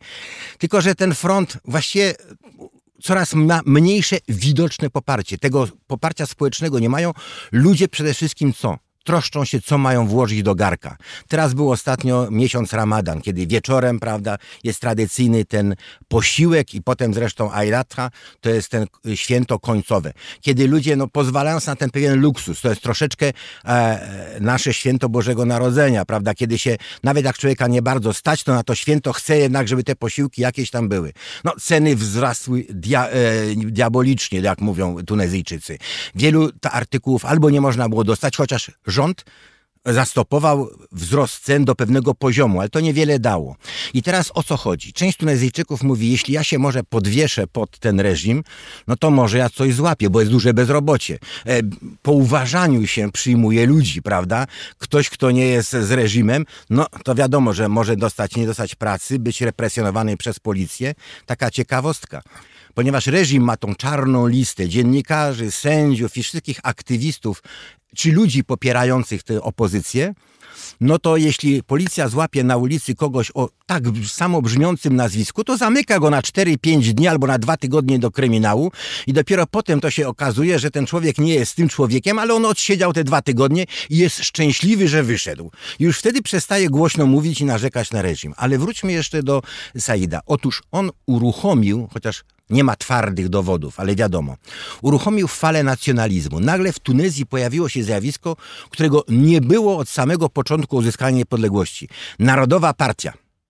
I ta partia, chociaż podobno liczy tam kilkuset członków, ma swoją witrynę i mówi: Wszystkie nieszczęścia są z tego, że Afrykańczycy do nas przychodzą, ci gasarbajterzy, oni wam zabierają pracę, oni niedługo będą startowali w wyborach. Zresztą samorządowy yy, cały ten układ został właściwie podważony i sparaliżowany przez prezydenta, bo jemu to jest niewygodne. Ale mówi, będziecie mieli gubernatorów z wyboru czarnych z Mali, czy z Nigru, czy skądkolwiek. Oni są wszędzie, oni nawet koty jadzą e, wasze, oni się rozbijają i tak dalej, i tak dalej. I do czego dochodzi? Od jakiegoś pół roku dochodzi do aktów, e, no, po prostu linczu prawie, że czarnych, wyrzucania. Ci czarni nie mają żadnych praw, pracują na dziko i, i są skromnymi, bo są uciekinierami przed głodem z Mali. Co więcej, część Tunezja stała się w ciągu ostatniego półrocza takim najważniejszym kanałem przerzutowym ucieczki z czarnej Afryki ludzi, którzy usiłują dostać się do Europy. I to wszystko jest wygrywane przez tą partię narodową. Słuchajcie, jesteście zagrożeni, trzeba zewrzeć szeregi, teraz Tunezyjczyk, flaga tunezyjska, nasza ambicja i tak dalej, i tak dalej. Chociaż ludzie do tej pory, którzy nie bardzo wierzyli, to nagle się okazało, że te resentymenty nacjonalistyczne czy rasistowskie zaczynają być bardzo mocne i oddziaływać na korzyść prezydenta.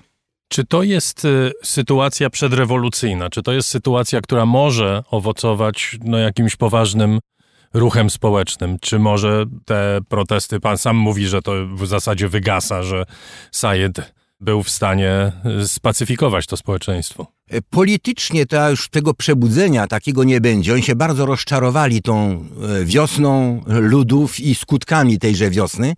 E, chociaż ciekawostka.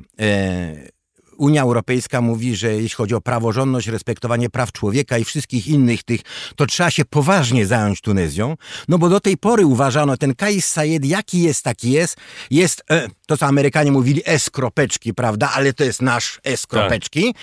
W związku z tym nie mieszajmy się, bo może dojść do wybuchu społecznego i to będzie dla Europy jeszcze większe zagrożenie. Teraz Unia Europejska mówi nie, koniec już nie może tak dalej być. Zresztą może wpłynąć na to, że ograniczyć fundusze. Y, Tunezja ubiega się o pożyczkę z MFW 3 miliardy y, dolarów. I tutaj jest problem taki, że nie będzie buntu na pewno jeśli można powiedzieć coś w polityce, że coś na pewno jest, politycznego. Ludzie się już rozczarowali, ten impet częściowo wygasł, ale będzie bunt społeczny z powodów trudnej sytuacji społecznej, bezrobocie i tak dalej, i tak dalej, a co więcej ekonomicznej. W momencie, kiedy mamy teraz 18% inflację w Tunezji, brak pieniędzy, a MFW mówi, pożyczymy wam pieniądze, ale trzeba obciąć subsydia, już teraz nie wypłacono piekarzom subsydiów do taniego chleba i chleb zaczął gwałtownie drożeć, zaczyna brakować podstawowych artykułów żywnościowych na rynku i tak dalej, tak dalej. Jak ta sytuacja się będzie pogłębiała dalej, no to wreszcie, jak to się mówi, ten pusty garnek zagra. Już były częściowo takie bunty z patelniami, bicie w patelnie i tak dalej, tak dalej. Były bunty ludzi, którzy nagle utracili pracę, bo jakaś fabryka splajtowała, a na prowincji, w danym miasteczku, to był jedyny żywiciel. W związku z tym, jak to będzie dalej postępowało, jeden z ekonomistów e, tunezyjskich powiedział, Tunezja była, mieliśmy tą rewolucję, wiosnę ludów i tak dalej, byliśmy czempionem. Teraz możemy być czempionem i to może być tunezyjski wulkan. I to jest groźba, bo jeśli warunki, a musi przyjąć warunki, jak wiadomo, y, MFW, y, KISAED, bo nie ma pieniędzy, skarb jest pusty. 100% PKB jest zadłużenie kraju. Co więcej, właściwie już trudno im kupić jakieś artykuły. Mamy kryzys, prawda, bo mamy wojnę żywność była importowana, zboże i olej kukurydziany był importowany z Ukrainy. Teraz tego nie ma. W związku z tym, jeśli to dalej będzie postępowało, ten bunt wyjdzie poza polityką i będzie buntem politycznym, będzie buntem gospodarczym, buntem społecznym, którego można nie ogarnąć potem. Bardzo dziękuję. Mariusz Borkowski, były korespondent polskich mediów w krajach arabskich, był gościem raportu o stanie świata. Dziękuję. I to już prawie wszystko w tym wydaniu raportu o stanie świata. Dziękuję jeszcze raz wszystkim patronom za nieustanne wsparcie. Jeśli słuchacie nas przed 16 w sobotę, zapraszam na spotkanie w Krakowie. A jak nie, to będzie inna okazja. Przypominam, że muzyki raportowej można słuchać na naszej playliście na Spotify Raport Rosiaka i jego muzyka 2023. Wcześniejsze playlisty także są dostępne. Adrian Bąk, Chris Wawrzak, Dariusz Rosiak, dziękujemy bardzo za dziś. Zapraszamy na przyszły tydzień i kolejne. Na koniec jeszcze, tak, musi dzisiaj zaśpiewać The Best.